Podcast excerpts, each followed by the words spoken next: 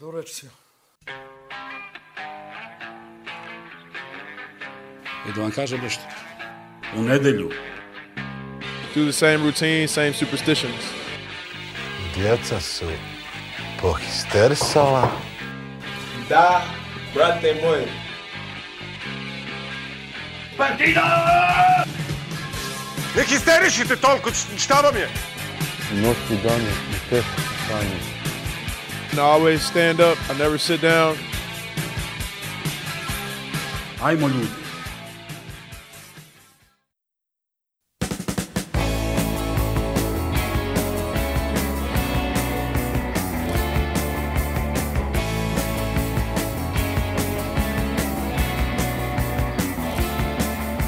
Spanish songs in Andalusia. The shooting sights in the days of 39. Zdravo grobari, dobrodošli u 13. epizodu četvrte sezone podcasta Partizan Hysterical. E, Malo izvinjenje na pauzi koju smo napravili, ali šta da se radi.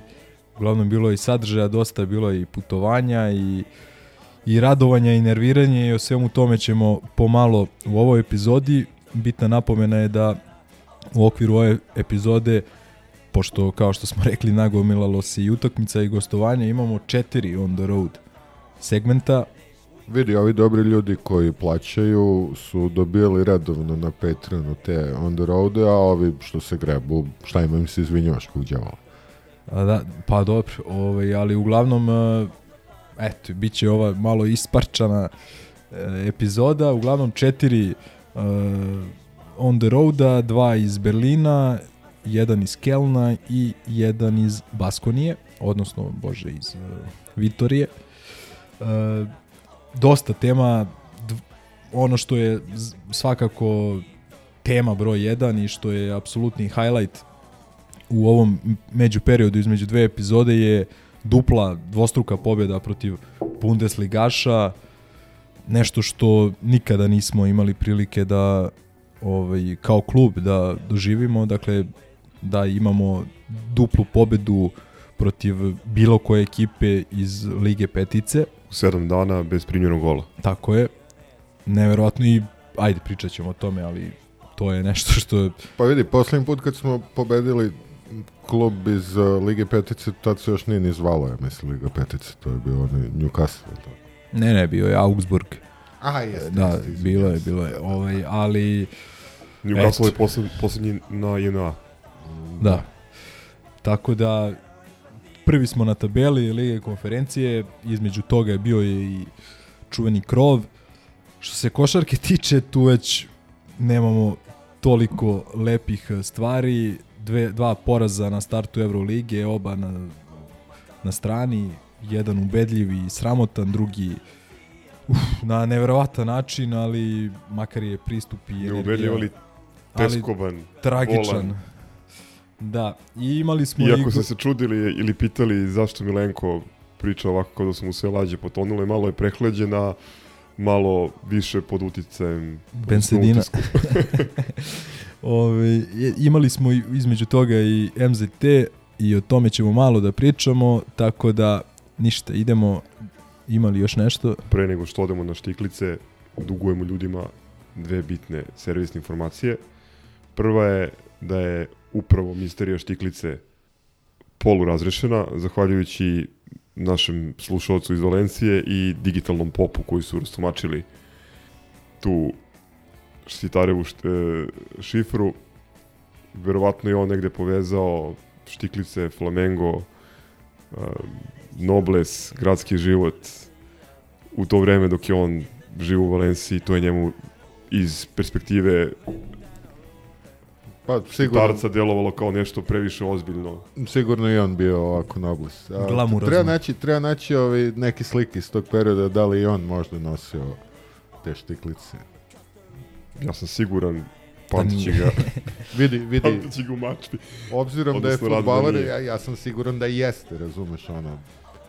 Ali ajde. Pre neke flešerke. I druga stvar, ovo, ovo je više, pa nije servisna informacija, nego možda bude i, i neka vrsta dopunskog disklejmera našeg podcasta. Duži smo da kažemo da je Vili verovao u šest bodova na dve utakmice protiv Kelna. Čak i dobio opkladu. Čak je dobio opkladu. Ne protiv nas, ali ima, im, bilo je naivnih ljudi koji su se po, pozvali za Pabla koji ovo ne slušao, nema veze. Tako da eto, ovaj, osjećam obavezu da pomenem da je Willi Franz Beckenbauer bio. A brale, on se stvarno razume u futbol. Ništa, ako je to to, onda idemo na džingl pa da krenemo polako. O, baklava.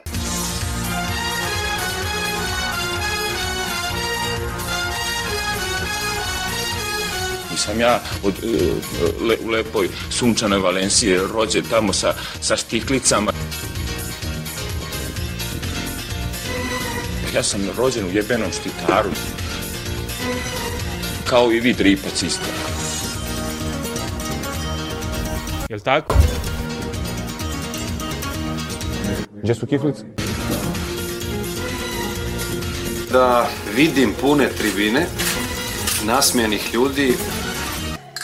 Ivica i Vjeja.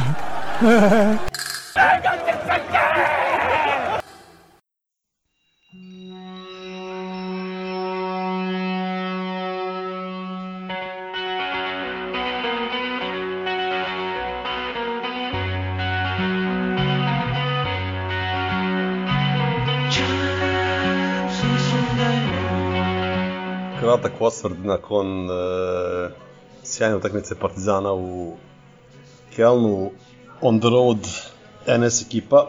Jedan deo ekipe stigao je dan ranije kolima preko Minhena, drugi deo ekipe se priključio danas preko Dortmunda avionom stateo na knape organizovao akciju prebacivanja brzinskog do Kelna. A evo, ovaj, Nisu nakon... većinski deo ekipe nastavlja sutra za Berlin, a jedan iz ekipe ide kući. Pretpostavljam da biće zgro koji ne voli kurca basketa, ali... Izvukao sam naj, najkranju, na, najkraću čačkalicu. NS ekipa standardno, uglavnom zgro, Sale, Mili, Ikac i Miki koji je jebi ga, ono, dobio dete i neće biti sledeći par godina s nama, tako da je. Zgro utisci. Falim te Bože, da smo dobili da može da kažeš da jednom da se desi pobeda nad ozbiljnim protivnikom, kažem ozbiljnim uh, Keln nije ok, nije Bayern, nije Borussia Dortmund, ali je ono kao jako ime iz ono jedna od najjačih liga na svetu. Dobio si ga kod njega u ovakvoj tekmi koja je ono otprilike preslikana ono Gordon Petrić iz ovaj Glazgova samo eto kao nije bilo 4-3 ni 5-4 nego samo 1-0 ono kao kako nam oni nisu dali bar tri komade i mi njima bar još tri ovaj evo sad dva sata posle utakmice ne znam još uvijek ali I dalje smo tri puta ćemo sutra možda vidjeti neki drugi skor da je bio, pošto kao nije realno da ti igra Partizan ovakvu tekmu sa nekim Bundesligašom, ba, baš nerealno. Ovaj, stadion je sam po sebi fenomenalan, 47.000 ljudi danas bilo na tribinama, baš lepa cifra groblja, negde oko 1000 po proceni ljudi. Ovaj, s raznih krajeva, ono, standardno iz Srbije i dosta ljudi iz dijaspore. Stadion akustičan, ono, nenormalno, baš je milina gledati igrati utakmice, stvarno fenomenalno. Švabe navijaju baš vrhunski, ono, celu tekmu, nemaju padove.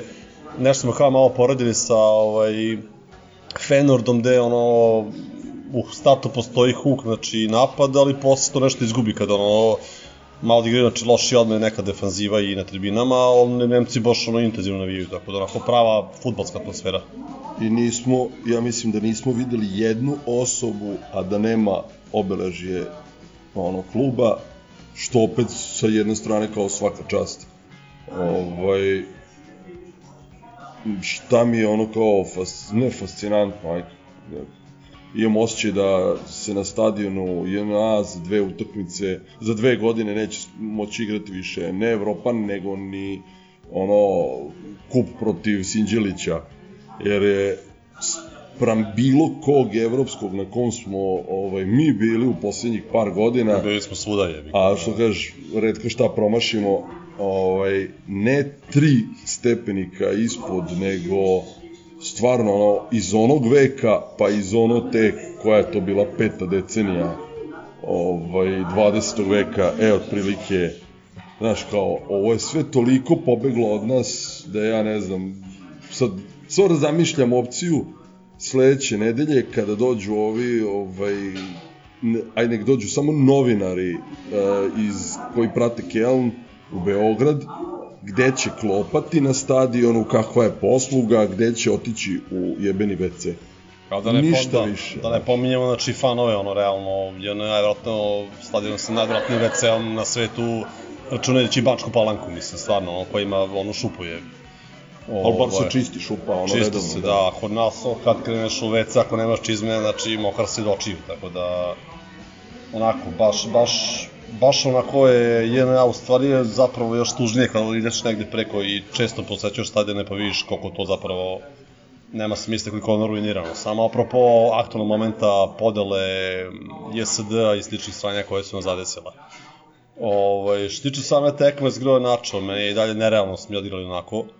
Rano dali go, nismo se nešto jako povukli, igrali smo koliko su nam realno oni dali jedan moment, to su se posle oslobodili i krenuli opet i prilično napred, ono, uz par šansi koje su bile neverovatne, ono, dva, tri pomašaja koje su baš, ono, bila objektivno teže promašiti, ali su oni realno promašili bogata šanse, tako da, kad se sabere i obrne 0-1 fenomenalnih i ono, pevajući kući. Ne, ti kad pogledaš njihove dve najbolje šanse su bile one glavama iz 5 metara ovaj, u prvom polovremenu kad je ono prvi put prečka, a drugi put onaj majstor što je u Popovića šutirao direkt i imali su onaj jedan zicer kad smo mislili da je fijuknulo da je u golu, ono je pored gola udarac nogom malo isko sa s leve strane. Opet naše ono kao tri šanse su bili ozbiljni ziceri da ne veruješ, pogotovo ona kraju Andrade, brate, daj ga metni i završi. Ne, Ne, ono, videli- videli su tri- Ma da, nego ona tri minuta posle toga, kao tri godine nikada prođu.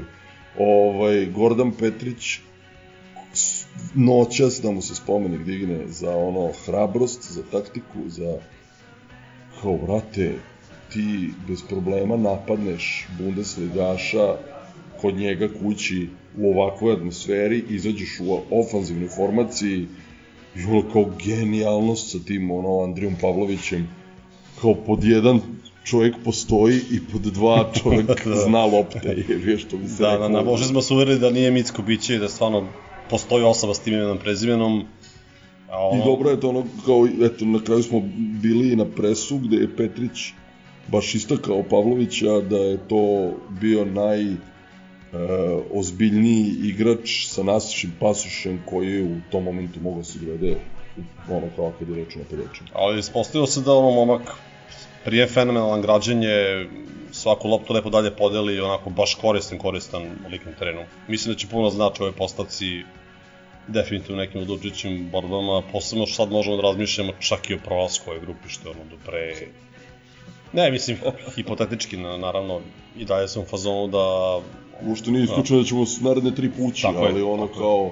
Ali možemo da razmišljamo. Da razmišljamo, da. Ovaj, idealno, daj, samo nemoj izgubiti u, u, u ono za sedam dana na jedna od Kelna i bod je okej. Okay. Ti sa tim bodom ideš bez problema u Nicu i peglaš se tamo, brate, mili, pa kako bude, bude. A ovaj, onda ti ostaje na kraju da dobiješ one Čehe, Slovake, Japance, Kineze, šta su već. I kao prolaziš je, ono da ne veruješ čoveče, ali okej. Okay. Ima još nešto? Ništa. To je to, pozdrav od nas ekipe, sutra novih 600 km i vidimo se u Berlinu, možda nekom novom on the roadu i kad si zgro, zgro će doma. Odjavljujem se, pozdravljamo. Puno pozdrava svima.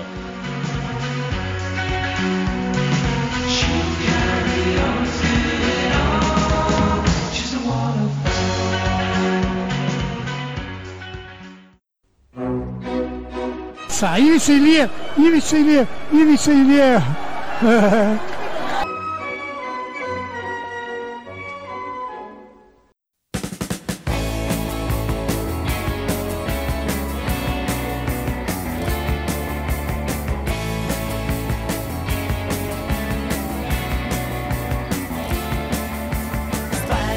songs in Andalusia. The student side in the days of 39. Ok, čuli ste kako je sve to na Rhein Energy stadionu izgledalo od jednog prilično zadovoljnog zgroa i jednog prilično umornog doktora Ikca koji je posle nastavio ovaj put Berlina i onda u malo drugačijem raspoloženju. pa Beča, pa... Da, ovaj, ozbiljan, ozbiljan, Beograda i... Ozbiljnu kilometražu je nabio Da. naš Ikac. Šta može se kaže o, o Kelnu sa ove vremenske distance i nakon duple pobede? Dan posle smo onako interno komentarisali da je u pitanju bila herojska pobeda koja ide direktno u, u, u klubski The Best Of. Jedno, pa još jedan vrlo hrabar nastup. Pričali smo po, posle Nice da je Petrić verovatno vrlo ovaj, slikovito potvrdio da navijačima Partizana malo treba da bi bili zadovoljni. Kad smo poslednji put uh, krenuli sa dva špicu, bilo kojoj utakmici, u bilo kom takmičenju? To je... Ne znam, to niko nije očekivao, to čak ni Vili nije očekivao. Da. Još jedna ovaj... Kad smo zadnji put imali dva špica, ona. da, verovatno. A ne, dobro, i ovo što imamo, imamo, imamo ovog uh, Mitskog Pavlovića, Mitsko biće koje evo, Pa pojavio, vidi, pojavio biće- se pre, pre tri nedelje u našim životima, konačno. E, ako mi dozvolite, ja ću biti što kraći i koncizniji danas, zato što me grlo malo zeza. Ovaj, pa ću par utisaka da znači, kažem. basket samo 50 minuta. Neće biti, veruj mi, ne želim. ja pričam 50 minuta o košarci. Što se tiče uh, formacije, sve je iznenadio kao što ste rekli i mislim da je ono u startu poremetio dosta planova Kelna. Ma niko nije očekivao da, će, da ćemo igrati sa dva napadača u Nemačkoj i niko nije očekivao Pavlovića. Čak ni. Mozart Sport koji obično ima insajderske informacije. Pazi, Pavlović je stvarno niko nije mogao da pogodi, da. pošto, evo, ja sam hteo da proverim kad je poslednji put startovao neku utakmicu, pa ima skoro godinu dana, ja mislim. E, ali u, prilog više to, da, da ga treba pohvaliti za, za igru i za doprinos pobedi. Zaista sve ono što smo zamišljali da bi on mogao da nam donese kada je potpisivao ugovor, on je pokazao već na toj prvoj utakmici protiv, opet kažemo, Bundesligaša, ni malo naivnog protivnika i, ovaj, i, i ajde kad smo se već dotakli toga i, i te pobede koja ulazi u best of, nekako kad, pogotovo sa neke malo veće ovaj, vremenske distance, kad, kad posmatraš neke sezone, utakmice, pobede ili poraze, uh, nekako ve, poseban značaj ima naravno i protiv koga igraš, ali kakav je ambijent bio. Znači, pobediti pred 47.000 navijača, jedan klub sa solidnom tradicijom, klub iz milionskog grada i tako dalje. Znači, ne da nije mala stvar, nego stvarno je stvar koja, koja mislim da će ostati urezana duboko u sećanju svih nas. Na temu tog konteksta samo još dve, ja mislim, bitne informacije ili dva bitne detalja. Oni su nekoliko dana ranije pobedili Dortmund. Pričali smo o tome u, u, u najavi utakmice, a mi smo dve nedelje ranije ispali kupu u Svetskoj Mitrovici. Tako da, ovaj, eto, čudni su putevi futbalski. A to je onaj youtuber rekao baš, ne, ne znam da ste gledali, ono, mislim da je Engles, to jest sigurno Engles, ovaj, kao, ajde, na kraju utakmice, kao, ajde samo neko da mi objasni kako moguće da je 7 dana izgubiš od drugoligaša u Srbiji i da dobiješ ekipu koja je pre 3-4 dana dobila Dortmund. Tako da, stvarno ono neverovatno. Dortmund koji je dobio Sevilju. Dortmund koji je dva dana posle toga remizirao s Bayernom nakon 0-2 i tako dalje. Ovaj, Ne, sve to dodaje težinu ovom istorijskom rezultatu u svakom slučaju, ali E, izvini, ali još jedan utisak i ajde sa tim bih možda i završio. O, po, ok, jedno je pobediti. Svedoci smo i da u futbolu, ajde kažem, zna da se desi da lošija ekipa iznenadi, da, da ekipa nezasluženo pobedi. Možda češće nego u drugim sportovima.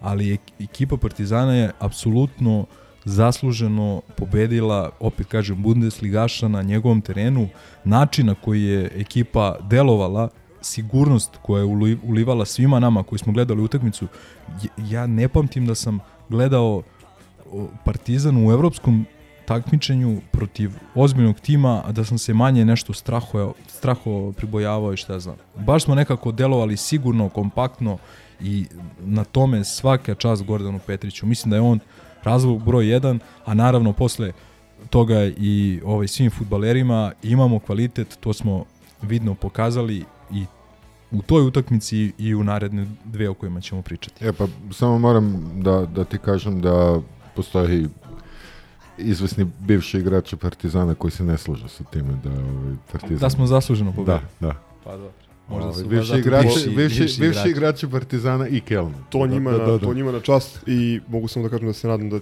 ti bivši igrači neće po, postati Mogu, mogu budući Kelna, igrači. mogu, mogu, mogu Kelna za igru, ovaj, što se mene tiče.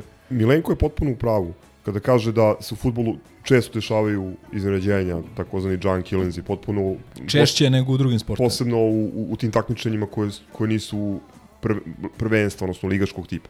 Međutim, ni u futbalu se ne dešava često da istog protivnika koji je koji važe za jačeg pobediš u 7 dana.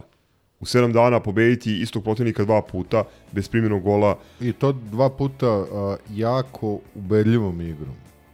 Gde, pogotovo ovo drugu utakmicu. Ja se slažem da smo, ja se ne slažem dakle sa bivšim a, futbalerom Partizana i Kelna da je nezasluženo, to jest da je Keln zaslužio. Mislim da je Partizan potpuno zaslužio pobedu. A mislim, setimo se samo one, one Andradove mrtve šanse. Setimo Ovaj, se Menihove šanse, odnosno Da. odbrane Švabe, pos- setimo se šanse Pavlovića. O, tako da, a, mislim, ono, već se vidi, vidi neki pattern i ajde sad, pošto nekako se pretapaju sad sve te utakmice, pa ne mogu da pričamo o utiscima a, posle prvog Kelna, kad su bile još dve utakmice. A, dakle, ono što se iskristalisalo da Goran Petrić nije slučajno a, postigao ovo što je postigao sa Partizanom. Na početku smo pričali ima dosta sreće i bilo je onih golova u poslednjem minutu u Novom Sadu protiv ovih zgrovih, pa onda u Kragujevcu. Međutim, a, ono što se, pa možda prvi put videlo na derbiju u drugom poluvremenu, pa onda drugo poluvreme u, u ovom gradilištu, a, vidi se da se tim podigao i da se mentalitet promenio da mi napadamo. U svim tim utakmicama smo mi napadali koliko smo mogli, a, ono, u 93. minutu mi jurcamo na gol. I to je nešto što ja mislim nismo gledali u Partizanu pa ja bih rekao od golca. Mas, Bilo, ma- bilo je onih perioda u doba Save, dok su bili Save i Džumi, bio je taj neki ofensivni futbol, ali mnogo je slabije bilo odbrana. Recimo, Gordon je to zategao isto. Ma igramo sa puno samopouzdanja. Mislim da Urošević posebno emituje bukvalno isijava iz njega samopouzdanje i to se prenosi na sve druge igrače. E, Otišli, ot, otišli ste malo napred. Teo sam samo da se vratimo ovaj, možda na početak ove utakmice i, ne, i još jednu još jednu, kažem, Petrićevu taktičku bravuru, jer to je ono što e, ja mislim je glavna razlika njegovog, ovaj, njegovog rada e, kada ga uporedite sa, sa, sa nekim prethodnicima.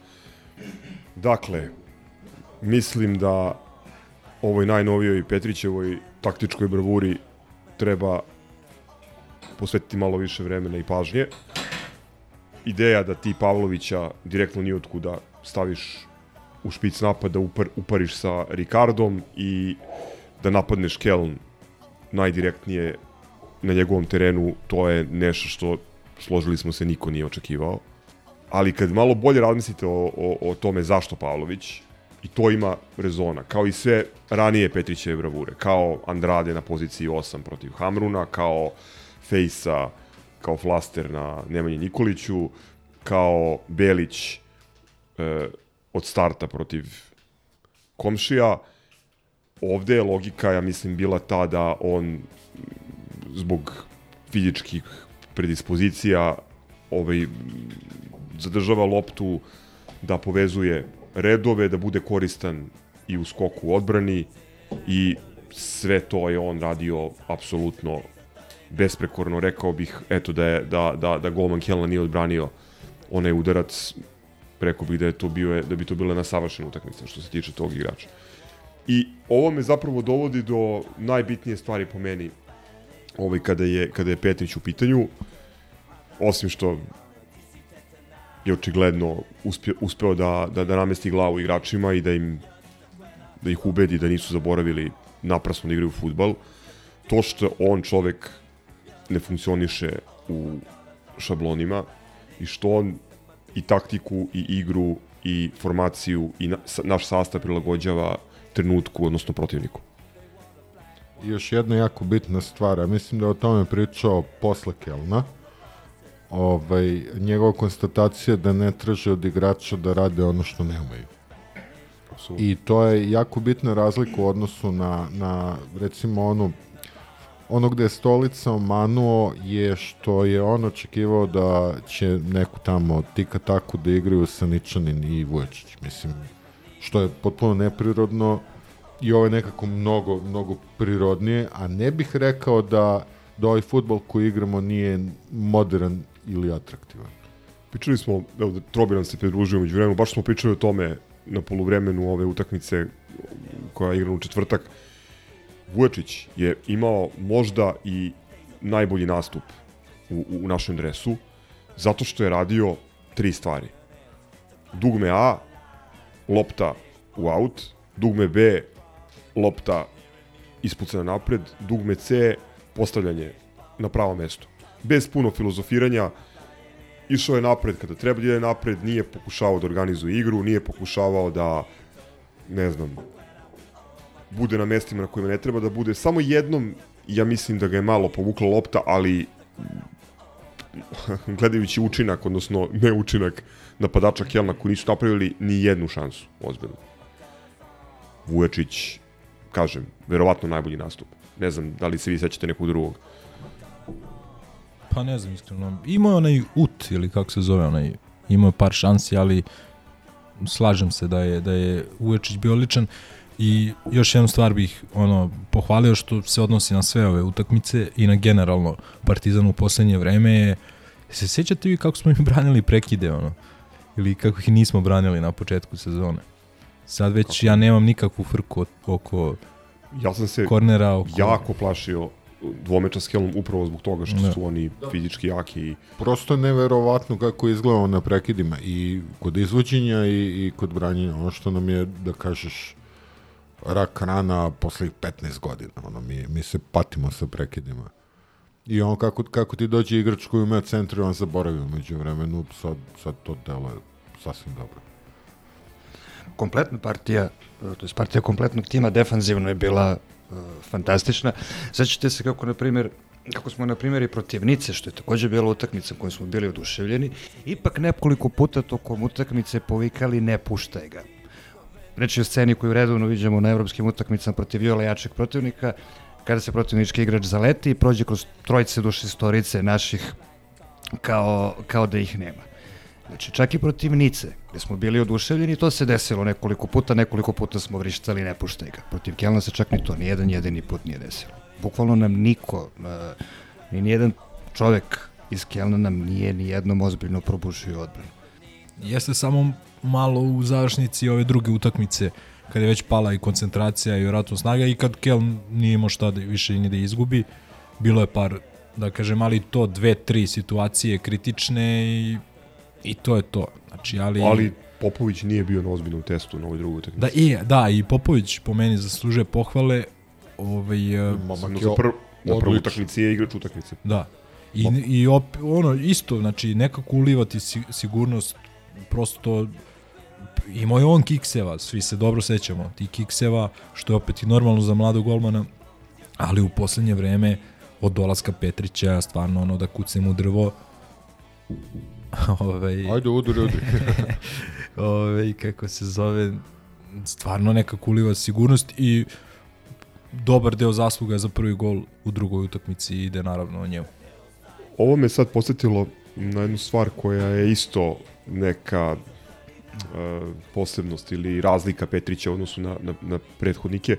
To što sada imamo golmana za koga znamo da je prvi golman i nema onih rotacija koje nekad deluju, ok, s izuzetkom sam sebe da demantujem s izuzetkom Mitrovice gde se Lukač pojavio prvi put posle povratka između stativa, ali hoću da kažem da znamo da znamo najčešće znamo ko nam je prvih 11, ko su nam najbolji igrači, znamo ko je kapiten, znamo ko izvodi prekide, znamo ko šutira penale, zna se ko kosi, ko vodu nosi i to E, zapravo se, izvinjam se, više se čak ni ne zna ko će da kosi kad već pominješ kapitena, pošto smo njegov fan klub redio da pomenemo. Scena pre drugog gola u kojoj Partizanov levi bek u na način sa plaže, na način sa termina, na način južnoamerički, dribla švabu. I da je to još pritom, i da je još pritom korisno. To je asistencija za gol. To je nešto zaista ne verujem da iko očekiva da će u životu da vidi. Da? A Ricardo između tri igrača Kelna, ono, iz mesta trzajem glavom. Ne, taj, gol. taj gol je ono što uvek se pitamo kad će nas da pogleda malo. Mislim, pogledamo se, ovo je preko nogi ovog švabe. Jeste, podigo je malo ta lopta, podigo je ovaj, a Ricardo je taj dribling buketu je zaista bio da se čovek krsti nogama. Ja sam imao samo još dva utiska svoje prve utakmice. Milenko je pomenuo ambijent, svaka čast. Mislim, znali smo da imaju odličan domaći teren, ali 47.000 ljudi na nečemu što je nominalno... I boga mi jedno hiljadu naš. Pa sigurno, o, odlična poseta. Hoću kažem nominalno treće po, treće po snazi takmičenje. Ova grupa je jača ili, hajde da kažemo da je makar u rangu grupa koje, koje se igraju ove sezone u, u, u Ligi Evrope. I drugi utisak je jedno suđenje oko koga mi interno ovaj, u, u Hysterikalu nismo mogli da se, da se složimo. Ljudi koji su bili na stadionu su imali utisak da je suđenje bilo okej. Okay. Sudija jeste pustio onako malo tvrđu, žustriju, grublju igru, ali to apsolutno više odgovara ne, ovako. odgovara. Dve stvari sa kojima smo imali problem, uh, mi koji smo gledali to ispred velikih ekrana, odnosno ispred velikog crkovog ekrana, je um, onaj danesterac koji nije dosuđen i uh, činjenica da je na kraju posle svog onog guranja, udaranja, jedino Natko završio utakmicu šutim kartonom, što je prosto čudesno. Ja sam vrištao, videli ste u ostalom, ovaj, ja sam vrištao, pošto baš je ono perfidno špansko govno. I onda, kad je zgro rekao, nemam zamerki na sudiju, rekao, dobro, čovječe, šta si gledao, da li me jebeš? A, nije istina, on je pustio grubu igru, ali Nemac. Pustio i hvatanja i obaranja, a, a mi smo prvo polovreme bili realno, i ajde, ako moramo i neku kritiku da uputimo na račun igre u tom prvom meču, mi smo bili predaleko od loptu u prvom polovremenu. Stalno smo bili nekoliko metara iza. Kad smo mi krenuli u kontakte, počeo da sudi drugačije, ali nama i za, za iste startove kod njih je puštao nama je davao žuti karton. Mislim, što je besmisao potpuno. Tako da ne mogu da... Nije on pustio grub, grublju igru, pustio grublju igru Nemac. A ja se ne slažem, recimo. Meni je ovo jedno od boljih suđenja koje smo imali. A, mislim da... Penal? Pa, e, znaš šta je, šta je za penal, sad ne igram drvenog advokata, ali sa, problem je što ovamo nema vara. A sad sudije mnogo teže sude jer čekaju taj var. E, a onih nekoliko hvatanja, ono, uhvati sa obe ruke. Ne, meni je, mislim, meni je, ne, dobro, mislim, ne može, ne može nije, biti... To nije puštanje grublje igre. Ne, meni je, pali, iskreno, pali. iskreno, meni je, da, ja bih potpisao da imam ovako suđenje, ono, na svim gostovanjima u narednih 10 godina. Stvarno nemam nikakav problem. Moje mišljenje, kažem opet, ne mora znači da sam ja u pravu.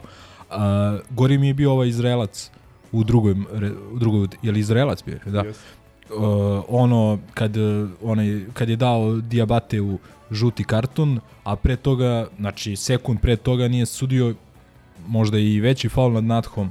Ovaj to, to mi je recimo to je samo jedan detalj koji mi je ostao u sećanju.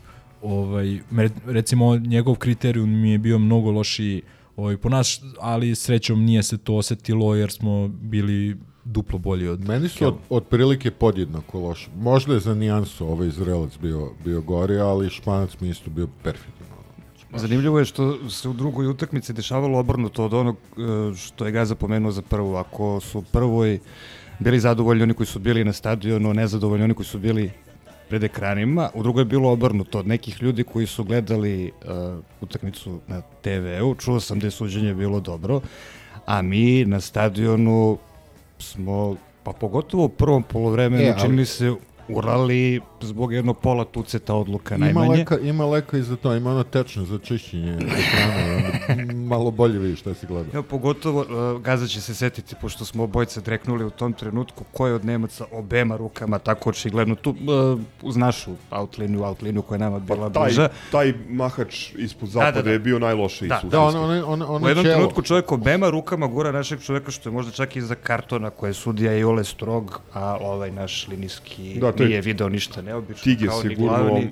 Setu Marković. Linijski koji, koji tendencijozno svaki put uh, uh, na kontra pokaže, znači ovaj da aut njima, očigledno naši, i onda ovaj glavni. To je bilo preinači. zabavno da je, da, je, za- da, je, za- da je glavni sudija, ja mislim, tri puta doneo odluku suprotno signalizaciji. Malo, malo me podsjetio na onu anegdotu, to je bio neki od, od onih levih mečeva koje smo igrali protiv recimo Ofki na Obiliću ili tako, ono kad smo česti bili na Obiliću na stadionu, a, lik koji je jurio tako nekog tendencijozno proćelog linijskog, jurio ga je pola sata mu pljune na čelu i uspeo na kraju. Nažalost, atletska staza ovaj, nam kvari ovaj, to zadovoljstvo na našem stadionu. Još jedna stvar u vezi ove druge utakmice, ako je posle Kelna bilo malicioznih pokušaja, pre svega web writera, skloni komšiluku da omalovaže, da kažu kako je to rezervna ekipa, kako je, ne znam, ovaj Baumgart e, odmarao. Vidi, znamo ko je navikao da kaže da nije bila prva ekipa, tako da... Pa da, to je otprilike sličan skup.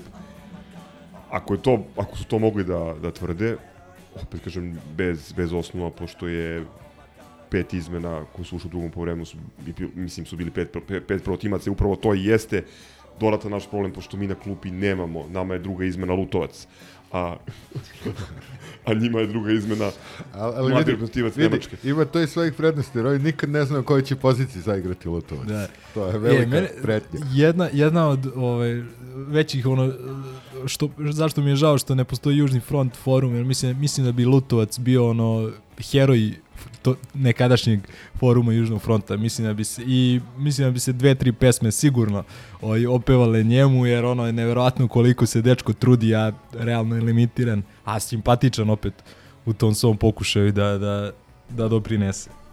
Elem, u Beogradu smo pobedili jak, najjači Keln u ovom trenutku i ono, nema, nema priče. 2-0. A dobro, nije igrao ovaj Ljubičić, ali... Pa dobro, po, nije Pa, igrao zašto je povređen. Da, da, nije to mogao da igra povređen. ali dobro, mislim. Ali Realno im je bitan igrač, ali opet... nam, nam, nama nisu igrali Belić i, i Fejsa u... Pričamo je ovo drugo naročito bilo problem. Da, da. Ali Ovaj, bez, bez sve šale, nema- bez, nema sve, priče. bez sve šale, pogledajte, mislim, ja razmišljam sada malo napred, zamislite kako bi izgledali da imamo 16 ozbiljnih igrača u rotaciji. Jeste, ako će ovaj tim nešto da limitira, to je, to je upravo kratka klupa. Nekoliko povreda i suspenzija, nekoliko povreda i suspenzija prvotimaca i mi smo stvarno u velikom problemu. Natko je jedan žuti karton od suspenzije. Gra, gra. E, da, i Ajde, njega bre, pohvaliti kao neko ko iskreno nije verovao da on može protiv Kelna i Nice da ono 90 minuta šparta i to moram da kažem da sam bio u krivu i ono neverovatan je majstor futbala i Video se uklizavanje u 90. minutu. Misli, misliš da, da je zaslužio da, da igra bitne utakmice tipa odlučujući derbi recimo više od posljednjih 4 minuta ili tako nešto? Pa evo, vidi- vidimo da jeste. Tako da, a opet Čisto kažem, da i ja sam tu se ogrešio delimično, nisam nikad dovodio u pitanje njegovo znanje i veštine futbalske, ali nisam iskreno verovao da može protiv ovakvih rivala da igra 90 minuta kvalitetno i a on je to sad pokazao da To je može. pokazao još protiv Nice. Da, da, da. Znači to pogo- pogotovo, oni su još više ono trkačka ekipa i fizički Tu ga je, snažnije tu ga je pomerio na zahtevniju poziciju. poziciju. Zapravo povukao ga je nazad uh, posljednjih koliko, 20 minuta. Da se ja Odakle, maestralno komandovao Da. igrom. Ja imam neku informaciju, a moguće da je trač Vime ovaj demantujte ako, ako, ako, je, ako jeste trač, da je Skole hteo da, da nam se pridruži. Ja zaboravim da mu javim, jeste. Da, jeste. Jeste. Da li je Natko razlog? Iz, izvini Skolajiću, dobit ćeš priliku u sledećem histiju. Potpuno. Ja, ja verujem da jeste, da je hteo da uputi veliko izvinjenje, tako da sledeći, sledeći histi uh, special guest star Skols. Imamo li želju da pričamo o krovu ili hoćemo Pa da... nema šta, mislim, lepa utakmica, onako rešilo. Za koliko smo? 15 minuta je bilo? 20. Ma, utakmica po, po, zgrovoj, po zgrovoj recepturi i, i njegovom ukusu daš tri gola u prvom poluvremenu, zameniš, odnosno rasteretiš nosioce igre, iz, izbaciš decu malo da se rastrče i onda još kad ti neko od njih vrati golom kao, kao Terzić, sve kako treba. Jedna stvar, a navezuje se na ovu priču o, o Skoletu, odnosno o Natku. Ljudi moji, Natkov pas. Za drugi gol, onaj, ona fantazija. Ili pas Menihu bez gledanja, mislim, to je neverovatno. Ali ona fantazija gde on, znači svi vide da lopta ide na, na desno, jel tako? I on ubacuje levo. To je beše Manning zavalio. I ovaj, i, opet stvar koja mi je žao što Pavlović nije dao jedan od ona dva dobre šanse. Imao i Baždar jednu dobru priliku, ali sve kako treba. Utakmica bez tlaka, nosioci nisu previše opterećeni, mladi dobili minute. I recimo da ja završim ovaj svoj futbalski blok uh, onim kako mi sedimo u, u na jednoj tajnoj lokaciji ovde blizu u Sarajevskoj posle utakmice i nekako čudno nam je. A nismo navikli, to jest ne pamtimo smo bili u takvoj situaciji.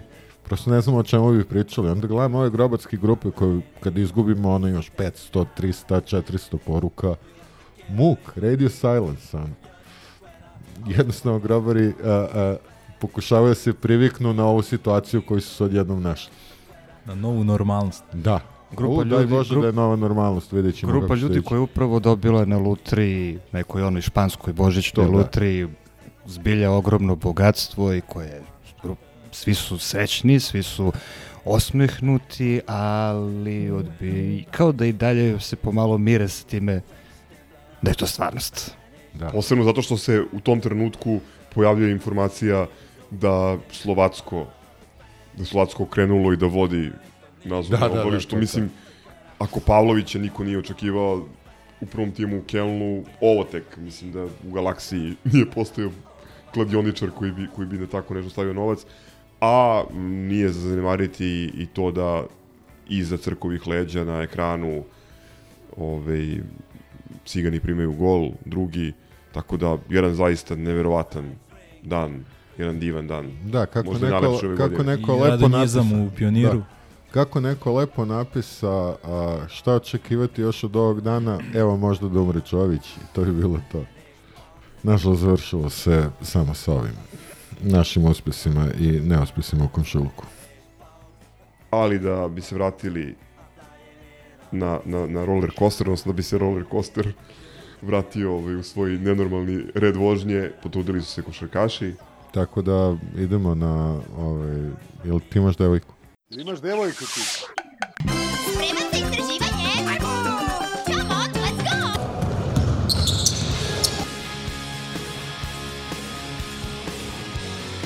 Just gonna go out, get my blood, sweat, and tears.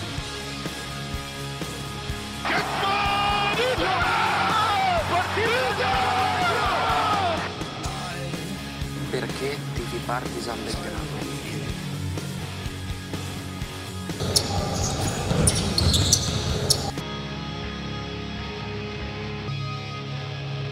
Mogu samo još nešto da kažem o ABA ligi. Yes, sir.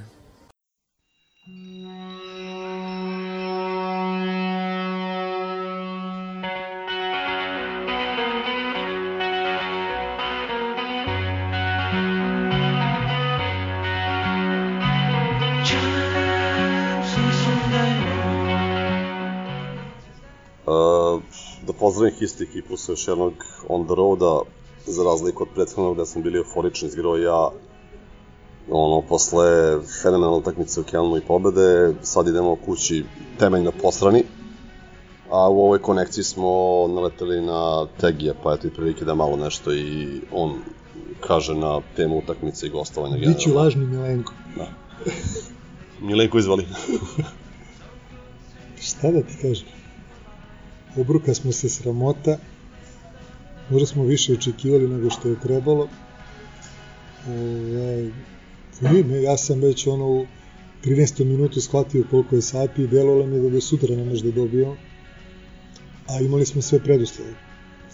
Jeste Alba, dobra ekipa, sve što je Milenko ono, u, u prethodnom histiju rekao, ono, kako kažem, ajde najavi je istina, ali opet misliš dobijali smo jače što ne bi ove, ali ipak desilo se to što se desilo, katastrofalno smo odigrali odbranu i već mislim da to nije slučajno, mi smo da li smo se mi zavaravali s pričom da svi imaju dan protiv nas, ali imao borac, ne znam koliko dao, 20 trojki, pa u Fuela bradi, pa eto sad i oni nam dadoše 15 trojki, 100 poena, i eto što sam ja rekao, nema ko da digne ručnu kada krenu kolan izbrdo, kao što je bilo u, u tim mečima ili poput Zenita, gde sa odlične partije 25 minuta i plus, plus 7 mi za 7-8 minuta odemo na minus 20, tako i sad bilo. 3-4 ona priključka smo možda mogli da uhvatimo, ali ipak realno meni se čini da do sutra nismo mogli da dobijemo, ali idemo dalje, mi 33 još šanse da, da se oduže navijačima, ono što i kako je bilo zaista juče za ponos grobarstva. Jeste, ja isto da kažem, ovaj, baš dobar da ljudi koji sam sreo u Kjelnu je zapravo zapalio i spojio Berlin, uopšte nije zevancija konekcija, trebalo 600 km da preće ovako ili onako, ali poveće broj ljudi se iscimo, a na to je došlo i brdo ljudi koji nisu bili u Kjelnu, tako da onako dva sektora dobro puna grobara plus e, sa svih delova hale i onako bilo je stvarno što će samog navijenja vrhunski to čak bez padova za razliku naravno od ekipe na terenu. I na minus 26 i na onim prilascima na izgledu da se vratimo na jednocifren minus bilo isto navijenje kao i na početku kao i na kraju kažem jedini na visini zadatka uz donet Erzuma i Andjušića bili su navijači zadužili su debelo igrače, mislim da će shvatiti neke stvari, vidimo i domaći su shvatili Andjušić prvi Željko i da da moraju da vrate ovako nešto, jer ja ne pamtim ovoliko ljudi na jednom košarkaškom gostovanju. Pa nije, mislim, ja sam imao priliku da budem i na prošloj Albi Doduše jeste nam značilo ništa, s obzirom da su izgubili bili od Litvanaca pre mm -hmm. toga, ali onako, bilo je lepa cifra, ali ne blizu ovoliko, ovo su baš dva ozbiljna, ozbiljna sektora puna grobara. I plus oni preko puta koji su bili raštrkani. Tako je, tako je, tako je. Eto, nisam primetio, nisam Jovetića, na primjer, da je bio ono u prvom redu, baš je bilo ono pozitivna atmosfera, kažem, ja sam očekivao neizvesnu utakmicu, mnogo su bili sigurni u pobedu, ali malo upada mu je euforično stanje, odnosno u plus minus faze, u futbal malo ko je verovao, pa eto desilo se to što se hvala Bogu desilo, s druge strane košarka desilo se, ne desilo se više. Tako je, da, svi smo išli sa varijantom da nas Kel potencijalno može odvaliti, da ćemo dobiti ba, a, Albu, a bilo je potpuno kontra svega, tako da ništa šta se radi, ovaj, što kaže, već sledeće nedelje opet Keln, pa onda gostovanje u Španiji, pre toga MZT, onako puno, puno materijala i, i voždovac, puno, i voždovac sutra na krovu, to sam i zaboravio, otprilike tamo ćemo stići ovaj, sa puta. Ništa, te pozdravljam ponovo celu ekipu, ovoga puta sa pauze na proputovanju iz Berlina i kad si tegi. Sa čekićanja u u Beč. Četiri, četiri čuke. Da. Milenko je, ovaj, bio se na kontaktu s njim prilazku aviona, ostaje u Berlinu, kažem, evo, od, odužio sam njegov deo. To je to, puno pozdrav svima. Pozdrav svima, Viliju posebno.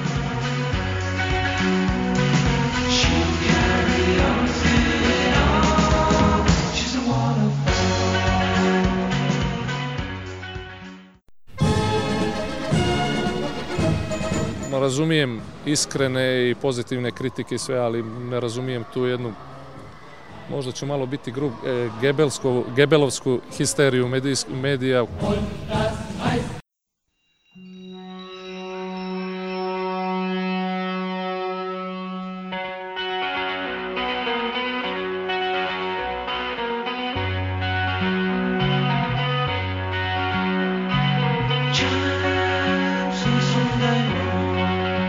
Zdravo grobari, Dobrodošli u novu On the Road epizodu. Javljamo se ovaj put iz Berlina, iz prestonice Nemačke, koja je ove sedmice bila u znaku Partizana i mogu slobodno da kažem u crno-belim bojama. Zbog e, malih logističkih poteškoća, ovaj On the Road iz Berlina smo snimili iz dva dela. Jedan je snimio Ikad sa, sa Tegijem, a drugi snimam ja sada sa Aleksom. Ove, uh, kao što je Ilija rekao, dakle, nažalost, nakon one blistave utakmice u Kelnu i pobede protiv Bundesligaša, uh, imali smo velika nadanja i da će košarkaši nas obradovati, međutim to se nije desilo, da ne prepričavam sada već ono što ste svi videli, jako loša igra Partizana, katastrofalna igra u odbrani, sramotan pristup u dobrom delu prvog poluvremena, druga četvrtina sa jednim napravljenim faulom, sa 30 i nešto primljenih poena, dopustili smo Albi seriju 30 prema 4 u jednom trenutku, tako da sve u svemu jedna apsolutno e, zaslužena pobeda Albe i mogu slobodno da kažem i čas košarke ovaj, nemačkog prvaka. Mnogi su pocenili Albu, ja sam i pričao u prethodnoj epizodi, to je možda i najgori protivnik koji je mogao da nas e, dočeka u prvom kolu, jer realno možeš da ga pobediš.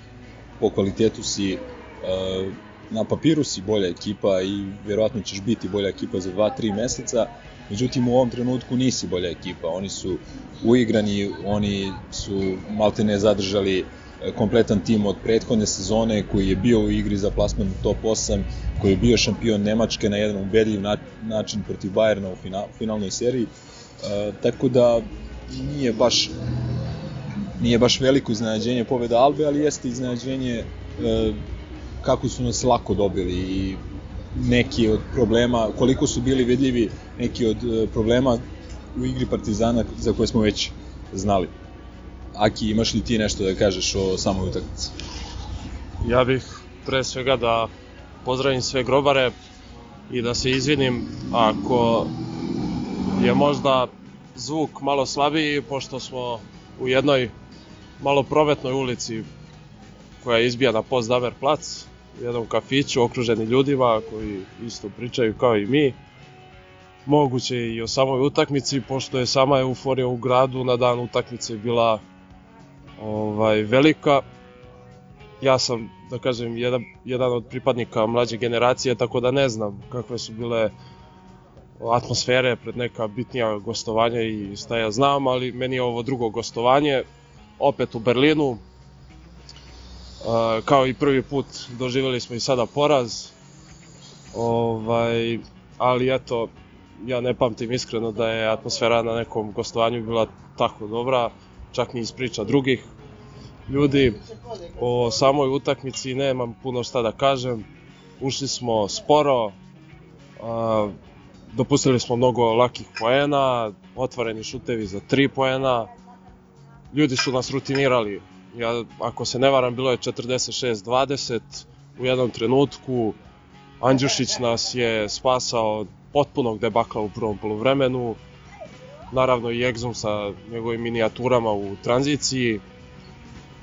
Da kažem, jedino njih dvojica su vredni pomena u našoj ekipi, ostali se nisu istakli i eto, u principu zaslužena pobeda Albe, boli me ova, ovaj rutinski poraz, mislim da je ovo moglo skroz drugačije da, da ispadne, ali eto, Alba je pokazala zašto Alba je pokazala zapravo kako jedna ekipa koja ima sistem, ekipa koja ima 12 igrača od kojih svako zna svoju ulogu, kako može da se nosi sa ekipama koje su jače od nje, što mi objektivno jesmo po imenima, ali eto, nadamo se da ćemo im uzraditi, uzvratiti u revanšu isto tako jednom rutinskom pobedom. Tako da, eto, ne znam šta još da kažem, osim svega pomenutog. Ma dosta, više, mislim da je previše bilo reči o, o samoj utakmici i mislim da će biti još reči o tome u našem, našoj, našoj redovnoj emisiji, tako da bih ja malo pričao par minuta i o Berlinu. Ovaj, Berlin je stvarno, kad se pogleda istorijski, geografski, e, kulturološki, kako god hoćete, jedan od značajnijih i e, kako da kažem, luđi grada u Evropi, jer ono što smo imali prilike e, da, da vidimo podelu grada u, u drugoj polovini 20. veka, kada je Evropa išla napred, kada je prosperirala, Berlin se delio i nekako, nekako je neka anegdota koju, ovaj, koja je kružila ovih dana među nama je da je Berlin potpuno grobarski grad zbog te podele, zbog te ono, šizme i, i totalnog ludila ovaj, u kome su ti ljudi živeli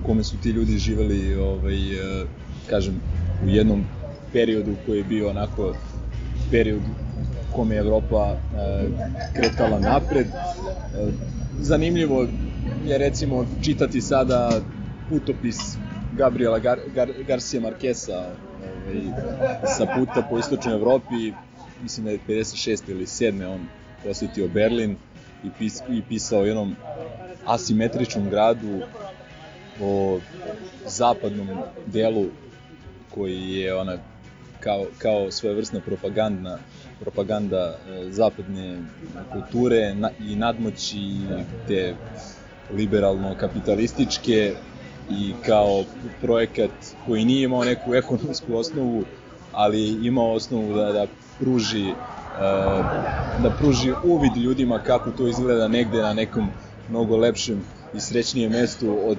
tadašnjih e, komunističke ovaj, e, istočne Evrope.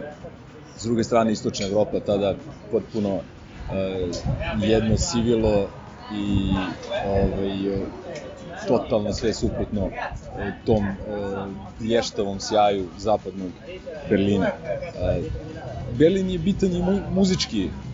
Što se tiče istorije muzike, vrlo bitan grad. E, u njemu su stanovali od 76. do 78. zajedno Iggy Pop i David Bowie i ta, ta da kažem, to cimerstvo ovaj, i zajednički njihov život nam je podario nekoliko vrlo uticajnih i značajnih albuma. Pre svega David Bowie je snimio čuvenu berlinsku trilogiju za te tri godine života ovde, snimio je tri albuma, Low, Heroes i Lodger, gde je on napravio jedan veliki zaokret u odnosu na dotadašnji svoj opus uh, i gde je vidno bio pod uticajem kako nemačke muzike, tako i atmosfere grada, uh, berlinskog zida, stražara, čuvara, agenata i čega sve ne. Uh, to je snimano u jednom studiju, sada legendarnom Hansa studiju, koji je blizu ovde našeg smešta i blizu mesta gde mi sada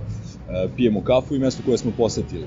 Takođe, i Iggy Pop je višestruko ovaj, dobio od, od Bovija, kako se zove, možda i dva najbolja albuma Iggy Popa, Idiot i ovaj, Last for Life su snimljeni ovde i David Bowie je imao zaista veliki uticaj u svemu tome i evo, mislim da jedna ono, koliko je to bilo značajno uticajno pesma Varšava ovaj, Bovija e, sa, čini mi se, Low albuma je inspirisala Joy Division da, da se tako, originalno ime Joy Divisiona je bio e,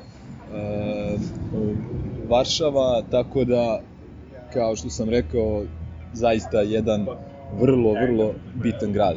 Bitan je grad i sportski, kao što smo rekli, Željko Bradović je odigrao dva finala Evrolige, ovde je skoro odigrana završnica Eurobasketa, ovde su održane olimpijske igre ove 1936. godine čuvene Jesse Owens i tako dalje i ovaj grad ima dva futbolska kluba trenutno u Bundesligi Hertu i Union. Danas ćemo da odemo da gledamo Hertu protiv Freiburga tako da vidjet ćemo kakva će biti atmosfera na e, olimpijskom stadionu. Mislim da je to to, ovaj, ovaj, da kažem, naš neki mali intermeco o Berlinu, putopis, nadam se da će biti ovaj drugi deo bar malo zanimljiviji slušalcima od ovog prvog o kome verujem i ne žele nešto previše da slušaju o tom brodolomu Partizanu. Ništa ljudi, uživajte, e, verujte i dalje, podrite Partizan, dolazite na utakmice, odlazite na gostovanja, verujte mi da porazi mnogo lakše padnu kad si na gostovanjima i ovaj, kad te čeka dva dana razgledanja Ovakvog grada. ovakvog grada kao što je Berlin. Tako da, to je to, to je suština cijele priče vezane za navijanje za Partizan. Pozdrav i slušamo se uskoro. Grobar i zdravo.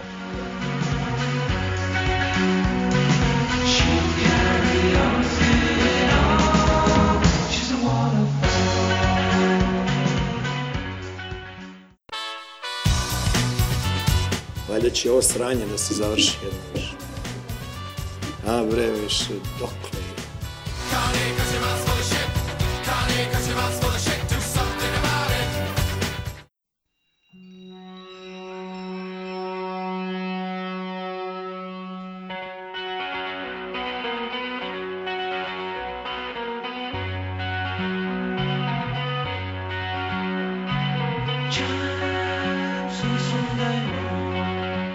Zdravo grobari, zdravo histerikalci. Ovo je jedan on the road specijal, malo u vanrednoj varijanti u smislu ko snima i ko je ovaj, zapravo iza mikrofona. Tako da danas sa vama Duka koji hoće da ostane anoniman kao inače i Andrej, tako da ovaj, rezervna postava histerikala ili kako god uh, nas dvoje- Više verni slušalci. Da, da, da, da, patronđije. I tu je verni navijač koji prati Pajče iz Milanovca, sve naše utakmice. Pozdrav, pozdrav. Eto, znači nas, nas trojica smo trenutno ovde, ovaj, treba da krenemo na, utakmicu za nekih 15 minuta, pa evo možemo čisto da otprilike sumiramo ukratko šta očekujemo od utakmice, tako je Duka izvoli kao stariji. da popravimo sve što nije bilo dobro protiv Albe i da pobedimo, da otvorimo prvom pobedom u ovogodišnjem izdanju Eurolige. Da. U jednoj lepoj sredini kao što je Baskija. Dobro. Evo, Pa ja isto čekam kao je boca. Bolju igru samo u odbrani, pa šta bude. Bitno da se trudimo i da borimo se.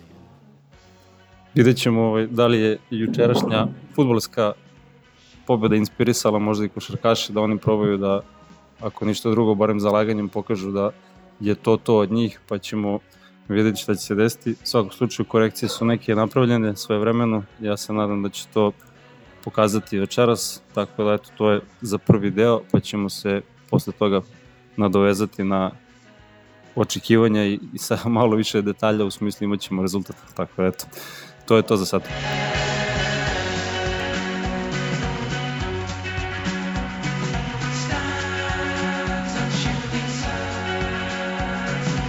Da nastavimo muku, vratili smo se u hotel, utučeni, promukli, ali duga je sezona, idemo dalje.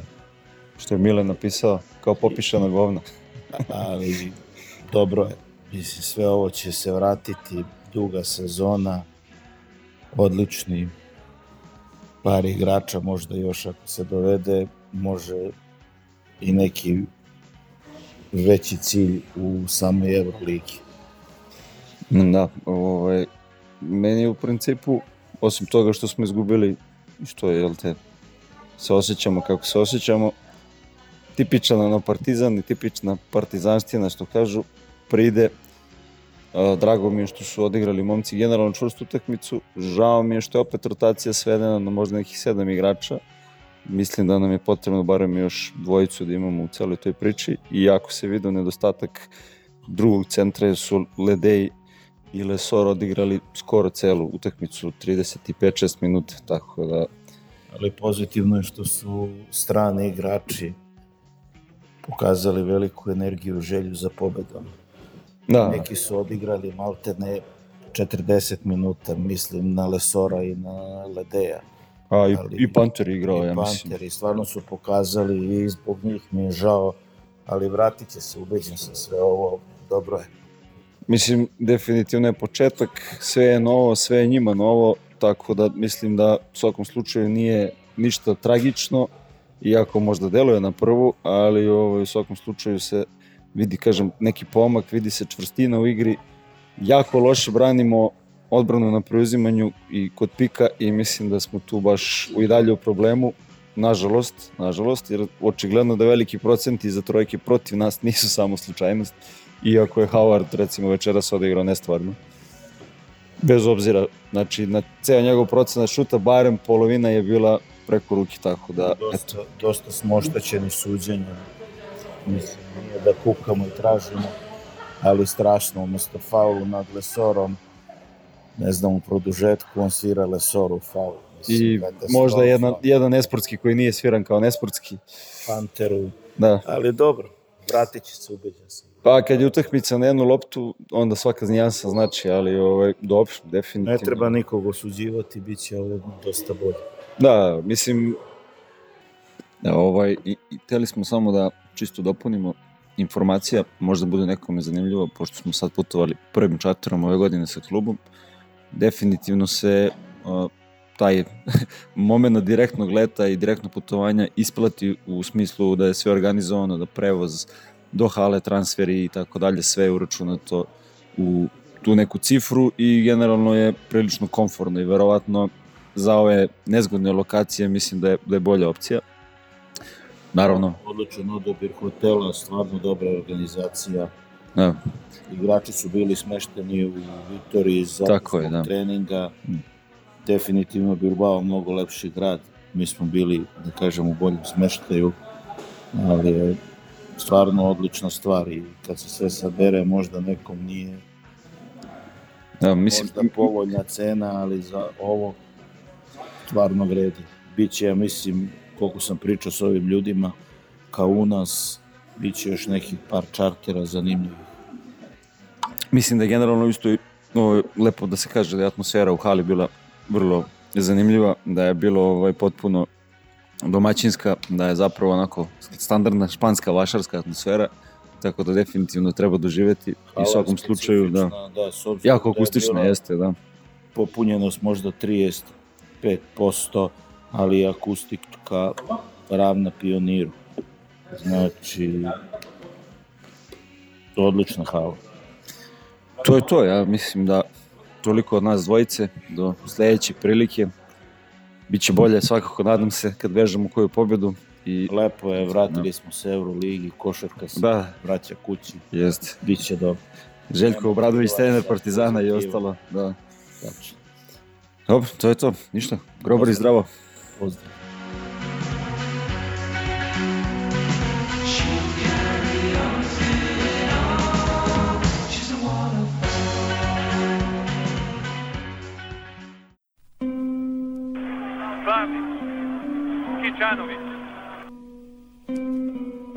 Da vratim istoriju, da sve može da se ponovi, bilo bi mi krivo što nisam bio igrač i trener Partizana. Jer sam onda video razlike u ljudima, u lojalnosti, u dobroti, u kvalitetu i svemu ostalom.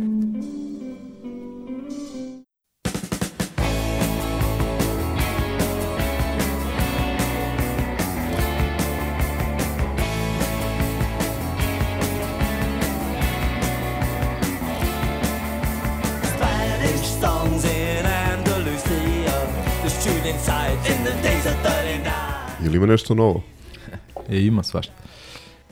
Pa evo, kao što smo rekli i kao što ste mogli da čujete, imali smo uh, tri košarkaška on the roada, dva smo snimili vezana za Berlin, jedan je snimio, su snimili Ikac i Tegi, drugi sam ja sa Aleksom i treći je uh, Duka koji želi da bude anoniman i Andrej koji su ovaj, svedočili onom tragičnom porazu u Vitori. Uh, ja se ne bih nešto ponavljao puno vezano za Albu, tako da vi slobodno iznesite svoje utiske, ja ću samo da ponovim da je ono poraz bio blamantan, ne poraz koliko načina, a da poraz nije bio katastrofa i da nije bio kiks kakvim su ga mnogi predstavljali, pokazao je sinoćni rezultat da je Alba dobila uh, favorizovani Armani u Milanu, I to manje više rutinski vodila skoro celu utakmicu. tako? Da, i izglupirali su se, imali su recimo 10 razlike na 5 minuta do kraja, imali su 5 razlike loptu na minut i po do kraja. I na kraju je Armani imao šut za pobedu. Znači oni su napravili da kažem, možda i više gluposti nego mi u završnici ove utakmice protiv Baskonije, ali, ali su eto. pobedili. Pa znaš šta, nekad sreću treba i možda i zaslužiti, tako da mi tek treba izgleda da je, da je zasluženo. Tako je. Pa ja nemam šta da kažem za, za Albu, ovaj, baš onako loše znanje. A utakmica za zaboraviti, realno. Da, bukvalno. Ali ne možeš da je zaboraviš pošto je prva u Euroligi posle toliko vremena i stvorena je ta neka atmosfera u kojoj o njoj ćemo malo kasnije koja nije baš naj, najzdravija ili A to da uzimamo Euroligu, utemeljena a, u realnosti. A, a da je F4 siguran. Mislim, puno stvari je tome doprinalo i naše odsustvo i to što ljudi očekuju da se ta romantika rasplamsa i da se desi, pa veliki broj protih sezonskih, pa malo i sudio bi se da kažem i to što ljudi baš i ne prate previše košarku mimo Partizana, mislim ništa loše s tim, ali igra se, igra, igrala se Euroliga i ovaj, u našem odsustvu i usudio bi se čak da kažem da je ovo takmičenje značajno drugačije takmičenje od onoga koje smo mi igrali. Ljudi se stalno vraćaju na, na ruže, na 2010. i Final Four, pa još dalje u prošlost ljudi ovo nema veze s tim. Mislim, ovo je... Drugi sport. Ovo je bu, bukvalno drugi sport. Ovo je nešto što mi, na što mi tek treba da se priviknemo i sa čim se tek upoznajemo. To mi je glavni utisak bio Berlina. To koliko se brže igra. Ono je prebrza košarka. E, posebno, ti si Milenko lepo u najavi ovaj, to naglasio da mi možda na papiru i možda za tri meseca imamo osnova da, da, da, da očekujemo pobedu nad Albom, ali oni su ekipa koja je utegnuta, dobro postavljena, svako se, mislim, zna šta, šta radi, ima automatizama puno, mislim, Sikma koji se ponaša kao, pa kao ispred zgrade, kao ispred zgrade sa, sa četiri drugara sa kojima igra već jako dugo vremena i ono možeš mu, re, mu reći da, da, da, da, da rešava stvari. Um, najlošiji utisak pored toga, mislim pored te neke naše impresioniranosti trenutkom ili, ili slabim odgovorom na, na, na brzu i agresivnu igru, direktnu igru Albe, to koliko je odbrana delovala loše, posebno u drugoj, drugoj četvrtini. Od prvog minuta. Od prvog minuta utakmice nismo mogli da odbranimo ništa. Pa čovječe, primili smo trocifrenu, to je baš... Skokovi 40-24. 14 ofanzivnih skokova i posledično ne znam koliko poena iz drugog napada. Nešto neverovatno. Sve to, mislim, ajde, ako smo očekivali da će, zezali smo se za ovog krajista, da će imati verovatno prostora jer je fizički dominantan, ako smo očekivali da ovaj Sikma bude nosilac, ja nisam očekivao da će jebeni proći da jebote da, da pravi promo klipove ono zakucavanjima i, i, i ulazima. Pričemu, pazi, to je isto jedan, nama je falio zapravo jedan igrač kao što je on, jedan mladi igrač koji bi iskoristio, iskoristio taj moment da iskoči, da se da se nametne. Jer i taj mali ja, mi- on je bio u Fortitudu, ali tako, on nikada nije igrao utakmicu Ne, ne. na, na ovom nivou. Nije veliki je talenat, NBA talenat, igraće sigurno u NBA ligi. Ovaj, mislim da je, ne znam sad da ne lupim, ali mislim da je 2003. četvrto godište. ovaj, Hoću kažem da je to vrsta doprinosa koje, ko, koje se ja nadam od Tristana u nekom trenutku, od Madara, od Trife, od Koprivice, a toga, to je izostalo. I šta smo mi dobili? Mi smo dobili, to se sinoć možda još bolje videlo, dobili smo um, na jednoj strani nosioce, mislim koji ljudi rade svoj posao onako kako znaju. Exum je bio odličan u, u Berlinu, mislim čak da je izjednačio košgeterski rekord koji je mm, imao prethodno ovaj, napadački jeste, ali Da. defanzivno i on je škripao dosta i dosta su ga probili. Tu su Naneli i, i pa Petru bili slabi. Sinoć je se vratio ovaj, Zaharije, Panter je odigrao ono što od njega očekujemo, ali sa druge strane nedostaje doprinos igrača sa klupe. Sa šire klupa, je tako da kažem. Da, i nije nužno samo poenterski, ili, nego čisto da rade neke stvari, to, to nam je sinoć strašno falilo. Ovaj, da, da, da rade te neke fundamentalne, osnovne košarkaške stvari, tipa da uđu, da naprave faul, uh, ili tako nešto, znači da odigraju dobru odbranu, jednu, dve, nebitno.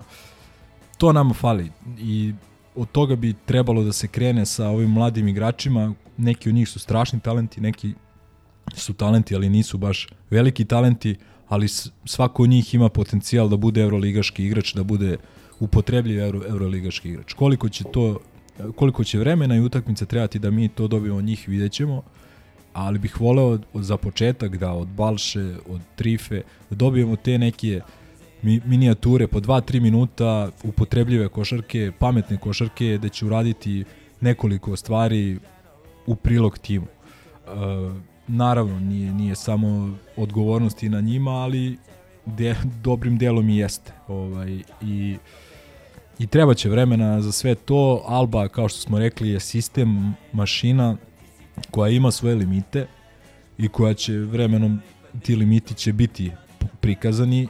Ovaj oni sad na u ovom startu sezone imaju tu da kažem prednost što su vidno igraniji od pa gotovo svih evroligaških timova bez obzira što svakako nisu u vrhu što se kvaliteta tiče, ali što se tiče uigranosti raspodele uloga i tako e, tome sličnog apsolutno jesu. I onda ti dođe taj mali proćida i ovaj on je ušuškan da kažem u jednom sistemu među da kažem iskusnijim igračima zna šta sme da uradi, zna šta može da uradi i on to radi. Ali E, ima, na- ima na- i samopouzdanje. Ima naravno, pa ne, ali, ali nekako i Talba je, uh, oni uh, napravili su taj neki sistem i, i daju šansu mladim igračima i po tome sam rekao u, u prošloj epizodi da me podsjećaju na onaj Partizan koga se svi tako rado sećamo i koga prizivamo. Uh, jednostavno mladi igrači nemaju toliku vrstu opterećenja kakvu imaju u drugim timovima, pa i u Partizanu sada imaju neku komociju da naprave grešku i sto, a to je potrebno dati mladom igraču jer e, iz nekog straha ne redko redko ko od njih će ovaj pokazati šta sve može. Tako da svaka im čast i, i opet kažem lično me nije nije sramota iz ono tog poraza, pa čak ni načina, jer očekivao sam poraz, nisam očekivao onakav pristup i tako dalje, ali još jednom kapa dole bukvalno na svim zaposlenim u tom klubu i da je sreće da više takvih klubova postoji u Evropi. Pa ništa, ajde onda da pređemo na, na ovaj, kratko na MZT. Pa ja mislim da će on da prođe kao ova utakmica na krovu. Mislim.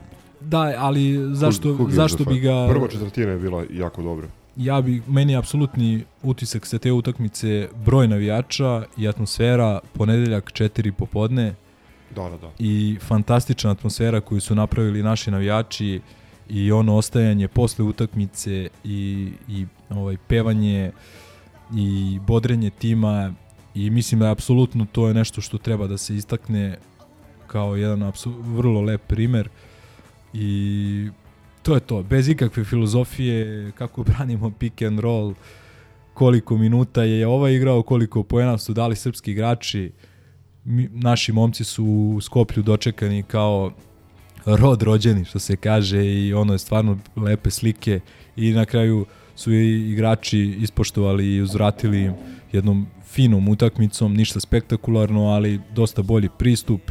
Od prvog minuta se videlo da da im je očitana bukvica nakon te blamaže u, u Berlinu i, i to je to. Na kraju je bila i fina raspodela minuta, ona Trinkjerijevska, E, bilo je tu prilike za mlađe igrače, i, ali objektivno MZT nije kvalitet koji može da parira nama u ovom trenutku, tako da ajde da ne pravimo neku preveliku filozofiju oko te utakmice. Ne bih išao u detalje, samo da kažem da odbrana u prvoj četvrtini, da je to otprilike pristup kakav Partizan mora da ima mm, u regionalnoj ligi u, na utakmicama u kojima je favorit. E sad ono što je bilo dobro da da taj pristup može da ima veći deo naših igrača i ne samo u četvrtini, nego tokom većeg dela utakmica, posebno ovih bitnijih, kada nismo favoriti. Jer pričali smo već o tome, Partizan ima, ovaj Partizan ima jako puno naparačkog potencijala i kvaliteta, razliku će praviti odbrana. Mi smo trenutno, ok, igrali smo igrali smo u Vitoriji produžetke, ali trenutno smo tim koji primi najviše, najviše koševa u, u Euroligi. To mora da se promeni. Jeste, to je evidentan problem ovaj, koji ima dva uzroka. Prvi je loša odbrana na perimetru, mnogo lako nam se probija ta prva linija odbrane, Jako fali Aleksa. Tako je. A drugi problem je što ne postoji neki defanzivni korektor u vidu nekog ono čvrstog stamenog centra koji će da stane u reketu, da izblokira dva, tri šuta, da unese strah i, i nervozu u protivničke bekove koji onako vrlo lako nas probijaju i vrlo lako završavaju to na, na obraču. Da. Neke, mislim, neki grešaka imaju u rotacijama, neki igrači malo spavaju i onda se dešava da... A da, ali onda teško se, je- Onda se dešava da, razumeš, da primamo neverovatan broj Trojki. trojki. Da. Jeste, ali teško je ono baš sve posle to stići. Znači prelako nam se probija prva linija odbrane i kažem opet onda nemamo zaštitu dovoljno dobru na obruču i u reketu i od toga polaze svi problemi vezani za našu odbranu. Dosta bolje delujemo defanzivno kada Papa Petru recimo uzme protivničkog playmakera, što je juče bio slučaj i št, e, velika je šteta što je on juče dobio one dve brze i nepotrebne lične greške u prvoj četvrtini, jer bi on mnogo ranije uzeo Howarda u odbrani, znači nije Željko hteo da ga odmah stavi jer bi dobio verovatno i brzo i treću ličnu grešku, e, nego je to bio slučaj tek u poslednjoj četvrtini i tu ga je, te ga je Papa Petru usporio malo, jer imao je problema sa onim njegovim dugim rukama, nije mogao da vidi koš i on ga je odbranio nekoliko Da, ali, puta. ali realno neverovatna utakmica i od tih osam trojki koje je pogodio ovaj mali, mislim, bile su bar četiri teške preko Teške, preko dva čovjeka. Ono preko Lesora, mislim, koji je skočio na rampu i on on pogađa. Pa i Neve- ono neve- preko Nanelija i, i, i to je, nije Naneli odigrao najbolju odbranu na startu četvrte četvrtine, ali opet nije bila laka š, trojka za šutnuti. Tako dalje, stvarno nismo... Howard i Costello.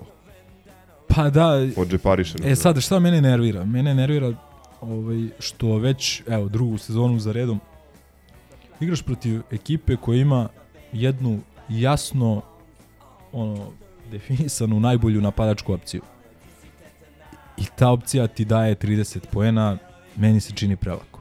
Ne može baš uvek da bude kao, e, kao imao je dobro veče. Pa, očigledno nisi uradio sve. Znači, setimo se i prošle godine McColluma tamo protiv Mm, da. Krasno Ali da li je- misliš da je ovde možda napravljena greška? Greška. Mislim sad, svi, svi možemo da pametujemo posle onakvog poraza. Da li je možda previše pažnje dato Thompsonu? Pa ne znam iskreno, p- sad. On je usporen, definitivno da. Je usporen sinoć. Pa osim onog idiotskog šuta koji je bio van balansa, mislim, ko, a koji je, koji je rešio utakmicu na kraju.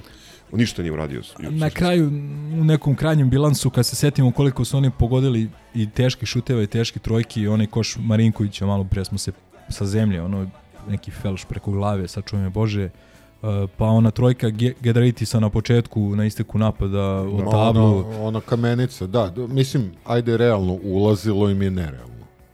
Jeste, opet, kažem, u- nekako pustiš ih, e, oni se razmašu kao i Alba i onda posle, pa ulazi im, jebi ga, ušli su u dobar ritam, znači pogotovo u toj drugoj četvrtini. Ajde, i nerealno im je ulazilo. I suđenje, ajde, neću više kukat, samo ću spomenem, suđenje jeste bilo skandalozno, ali i pored svega toga, mi smo trebali i morali da dobijemo. Morali I smo, pa što- imali, dobili smo. ono znači mi smo imali dobijenu utakmicu ovako na tacni, Pa, mislim, prosuli smo Kao, kao Turci prošle godine. Mislim, prvo, Ista priča. prvo, dobro, ono, ono ipak, ja mislim, neprevaziđeni splet nevjerovatnih okolnosti, nadam se da se nikada neće više ponoviti. Ovde smo imali plus 4 na 24 sekunde do kraja, timeout za Baskoniju, odigramo dobru odbranu, propale im je nekoliko op- opcija koje su, propale su im sve opcije koje su zamislili, Uh, lopta dolazi do Thompsona koji pogađa trojku preko dva čoveka iz teške, ono, po, teško položaja tela, on koji nije neki šuter, koji ni sinoć nije bio nešto šuterski raspoložen, to je stvarno ono nevjerojatno. Posle toga dva bacanja pogađa Naneli, pa onda pravimo faul kao što je trebalo da napravimo Howard koji je do tad već dao 20 i neki poen, ne znam ja. Promašuje prvo bacanje, daje drugo, plus 2, uspevamo da uvedemo loptu, lopta ide u ruke onome kome treba da Obradović- ide. Obradović vadi Lesora da ne bi bio na njemu faul. Da, znači lopta ide u ruke onome kome treba da ide, Naneliju, koji je najiskusniji i koji je najbolji šuter sa slovnih bacanja i koji u karijeri ima 90%, znači od 10 pogodi 9 slovnih bacanja, koji pogađa prvo onako lagano, hladno, bez koske i sad obično to prvo je malo teže. Obično drugo bacanje se ovaj, pogađa u, u višem procentu, drugo bacanje promašuje, tu je možda i Lesor mogao odmah da pravi faul na njihovom centru koji uhvatio loptu. Nije lopta ide na Howarda koji ide u trk Panter kao Bogdan protiv Cedevite, onda ide unazad umesto da ide ka njemu da napravi faul u tim momentima, praviš faul, nebitno, sad češće, dosta češće sude te nesportske lične u tim nekim kontranapadima i onda igrači imaju strah od pravljanja faulova, ali sad, takav je moment i toliko je malo vremena ostalo da praviš faul pa kako god napravi i u šutu za tri poena, pa nek da on tri bacanja ako može da. Napravi, moraš da napraviš faul.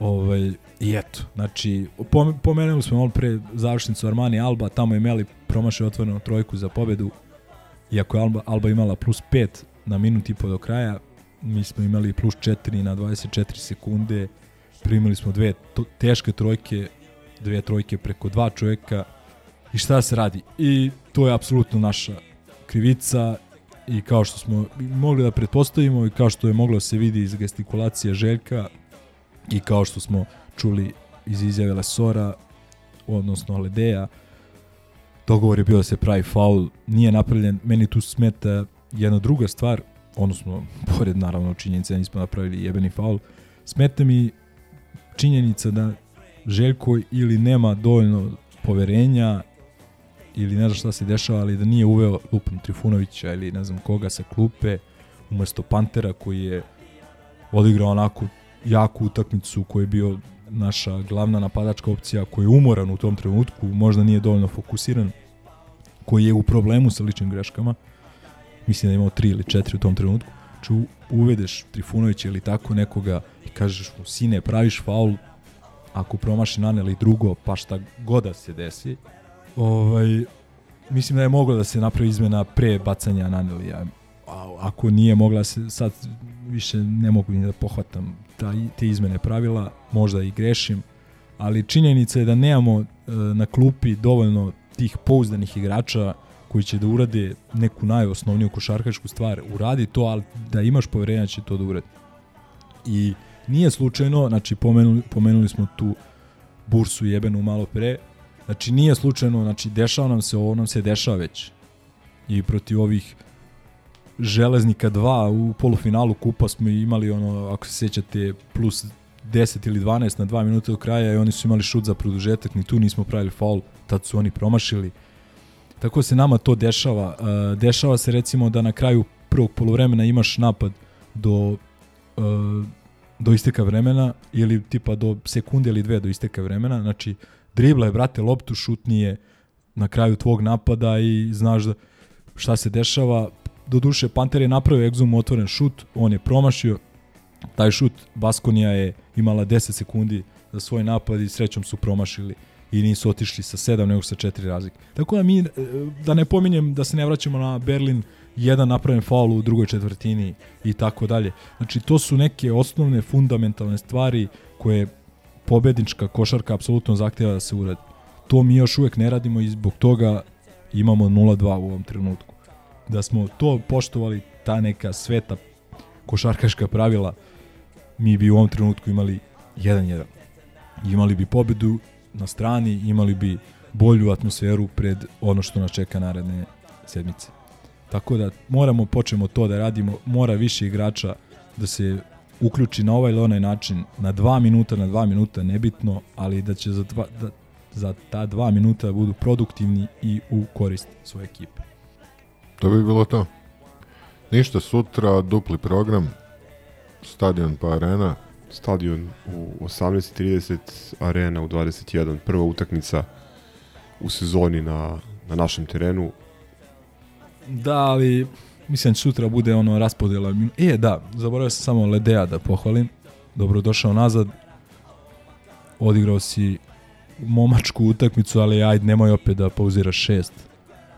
Nego gledaj da, da se, ne moraš ni da daješ svaku 23 poena i ne znam koliko skokova, ali daj u normali taj neki svoj doprinos i da možemo na tebe računamo. Ovaj, On će imati težak posao utorak. imaće i on i Lesor i ja ne znam više šta se čeka više sa tim dođenjem. Jasno je kao dan da nam fali i play, ali još po meni više i centar. I ja ne znam, ono, a ajde, ne znam, daj Bože da grešim, ali dve teške utakmice sledeće sedmice u Euroligi kod kuće protiv dva preuz, preiskusna tima, preko, protiv dva tima sa vrhunskim trenerima. Mi ćemo imati tu neku vrstu pritiska, pune arene, 0-2 i tako dalje. Daj Bože da to preživimo, ali ako ne preživimo, ja ne znam, ovaj, mislim da se zakasnilo sa, sa, sa tim pojačanjem. Nadam se da ćemo preživimo svi sledeću nedelju, ali ne znam koliko će navijača Partizana da preživi ovu sezonu, pošto imamo još 32 utakmice, uz ovaj stepen varničenja, nerviranja, tlaka, stresa, spaljivanja, samobičovanja, ja ne znam koliko će ljudi da dočeka kraj sezone. Kažem, u, u najgorem slučaju još, još 32 utakmice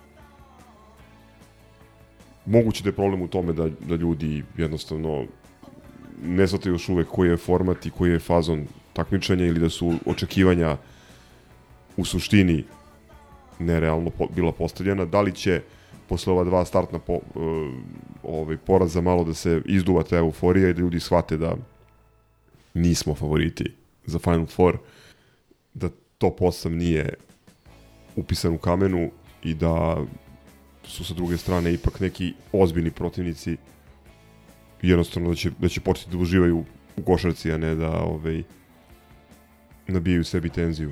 Video sam na Twitteru, sinoć je neko podelio snimak merača pritiska, nešto 230 sa 120. Mislim, ljudi, nemojte raditi to sebi, ako Boga znate. Tako je, siđite sa Twittera. Aj, jedno, izvini. Znaš, ono, ali- pritisak posle tekme 180 sa 100, onda pogledaš Twitter, onda 250 sa 180.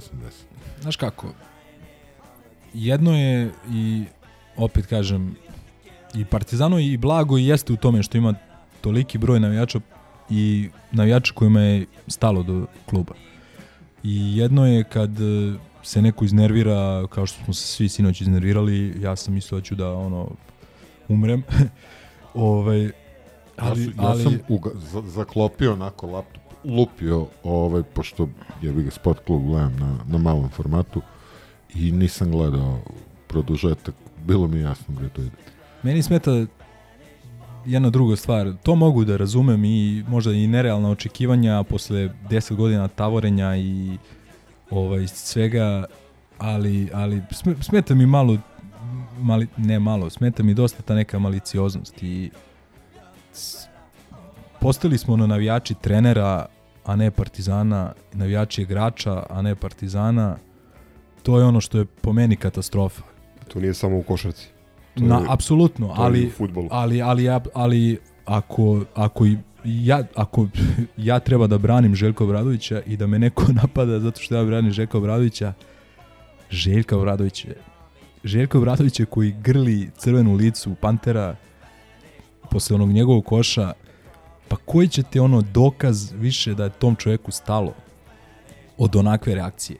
Ono onakve reakcije. dokaz da je Željko o- Obradović u stanu. Ne, ne, pa to, Prošle okej, godine smo pričali o njemu ali, ali, ali, da je izabro Partizana, ne bilo koji drugi posao na svetu. ja, moja je dužnost i osjećam svoju dužnost da stanem iza tog čoveka. Kad već postoji potreba da se stoji. I to je meni katastrofa, ali ajde. Ne, ja uopšte neću da, da, da diskutujem, to je tačno što si rekao i da fanovi igrača, fanovi trenera, fanovi uprava, fanovi jedne ili druge sportske sekcije, ja stvarno mi je to van pameti Ozbiljna patologija. i uopšte ne, neću da, da pričam o tome. Ima još jedna stvar. Amplitude. Ja razumem da su ljudi isustirani, nervozni, da ono da im je teško što Partizan već godinama nema neki opipljivi uspeh u, u dva sporta koje najviše navijača prati. Ali, kao što Gordon Petrić za mesec dana od najgoreg, i sad neću da citiram šta je sve stizalo u inboxe, komentare i tako dalje, trenera, što sad je postao vlasnik sveta i tako dalje, isto važi i za Željko Bradovića. Petrić je imao jednu fantastičnu izjavu na konferenciji za štampu kada su ga pitali da prokomentariše ovacije koje je dobio. Bez promena famozne facijalne ekspresije. Dobro, to kod njega, to je uvijek bez promene facijalne ekspresije. U skladu sa tim, rekao je, seća se i kada su ga terali. Znači, savršeno je svestan toga da su reakcije navijača i emocije uvek u overloadu ovom ili onom. Mislim što negde ok je, normalno je da postoji puno strasti, dobro je da, da je ljudima stalo. Ono što nije, što nije dobro kada te e, emocije postanu nezdrave, kada postanu opterećenje, kada postanu pa, nezdrave pre svega za ljude koji ih osjećaju, ali nezdrave za atmosferu oko kluba i postanu nešto što otežavaju igračima na terenu da pruže maksimum i ljudima na tribinama da stanu u punom kapacitetu, u punoj meri iza tog kluba i da mu daju neku energiju koja mu je potrebna. Na utakmicama, na primjer, na kojima je slabiji od protivnika. Htio sam ja da kažem nešto apropo očekivanja kada je reč o futbolu, pošto smo razgovarali o tome na stadionu. E, pominjali smo tada upravo amplitude raspoloženja, kao što si i sad rekao, koje su prirodne, nijedan e, čovek kome je do Partizana zaista stalo nije mogao normalan da izađe iz e, vatra i sumpora koji okružuju Partizan evo već skoro 10 već skoro 10 godina i ne, ne bi bilo neobično da sada posle ovako sjajnih partija protiv Nica i Kelna čovek pomisli kako nam najzad stiže nagrada za svu patnju i već počne da organizuje odlazak na finale Lige konferencija tamo u maju. Uh, hajde da to ne radimo, hajde da ne zaboravimo da je ovo što nam se trenutno dešava i dalje čudo, da i dalje nije normalno, da, uh, molio bih crka za jedno gra, gra, gra, ako može. Gra, gra, da. Da Može. i dalje postoji nekoliko na- never more. da i dalje postoji nekoliko načina da mi ispadnemo iz grupe. Sada je već potreban splet niza okolnosti, sada je već potrebno da se dosta kockica posluži da bi ispalo, ali pojedinačno ni jedna od tih nije nije čak ni, ne bi bila čak ni neočekivana. Utakmica koja se ne sećam, odnosno koja se nije desila. 88. minut, to je 2-0, dovoljno igrač više. upozorenje. To je dovoljno upozorenje. Nica, bez obzira na to što sad već možemo kažemo da loše igra, bez obzira na to što još uh, ti preskupi igrači koji imaju uh, ne daju kao celina ono što bi se od njih uh, individualno očekivalo.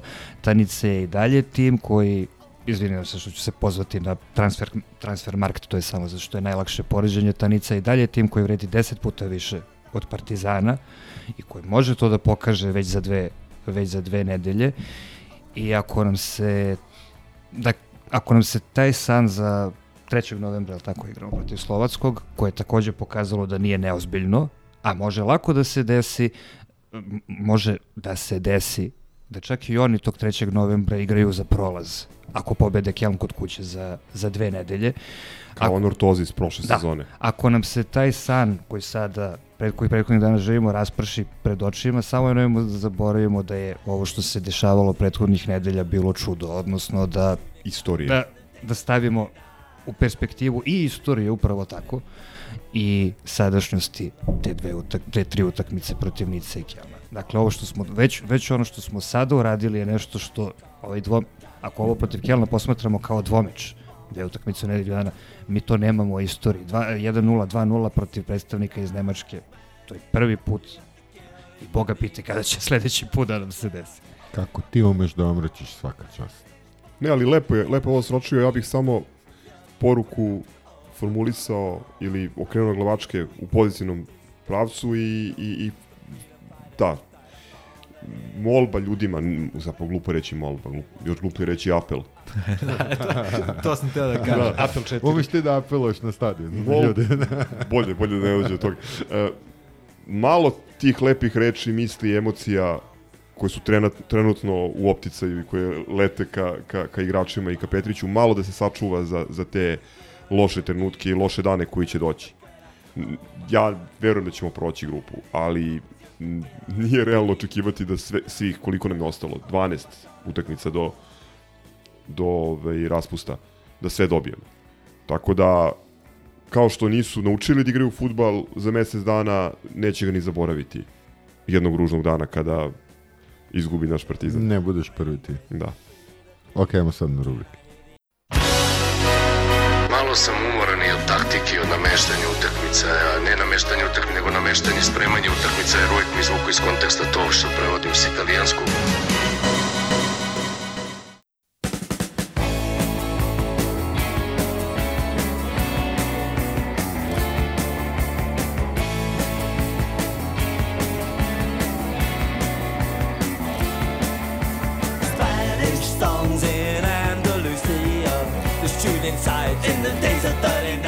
Evo da počnemo onim što se dešavalo ovaj, tamo a, dok je Lemzi snimao On the Road.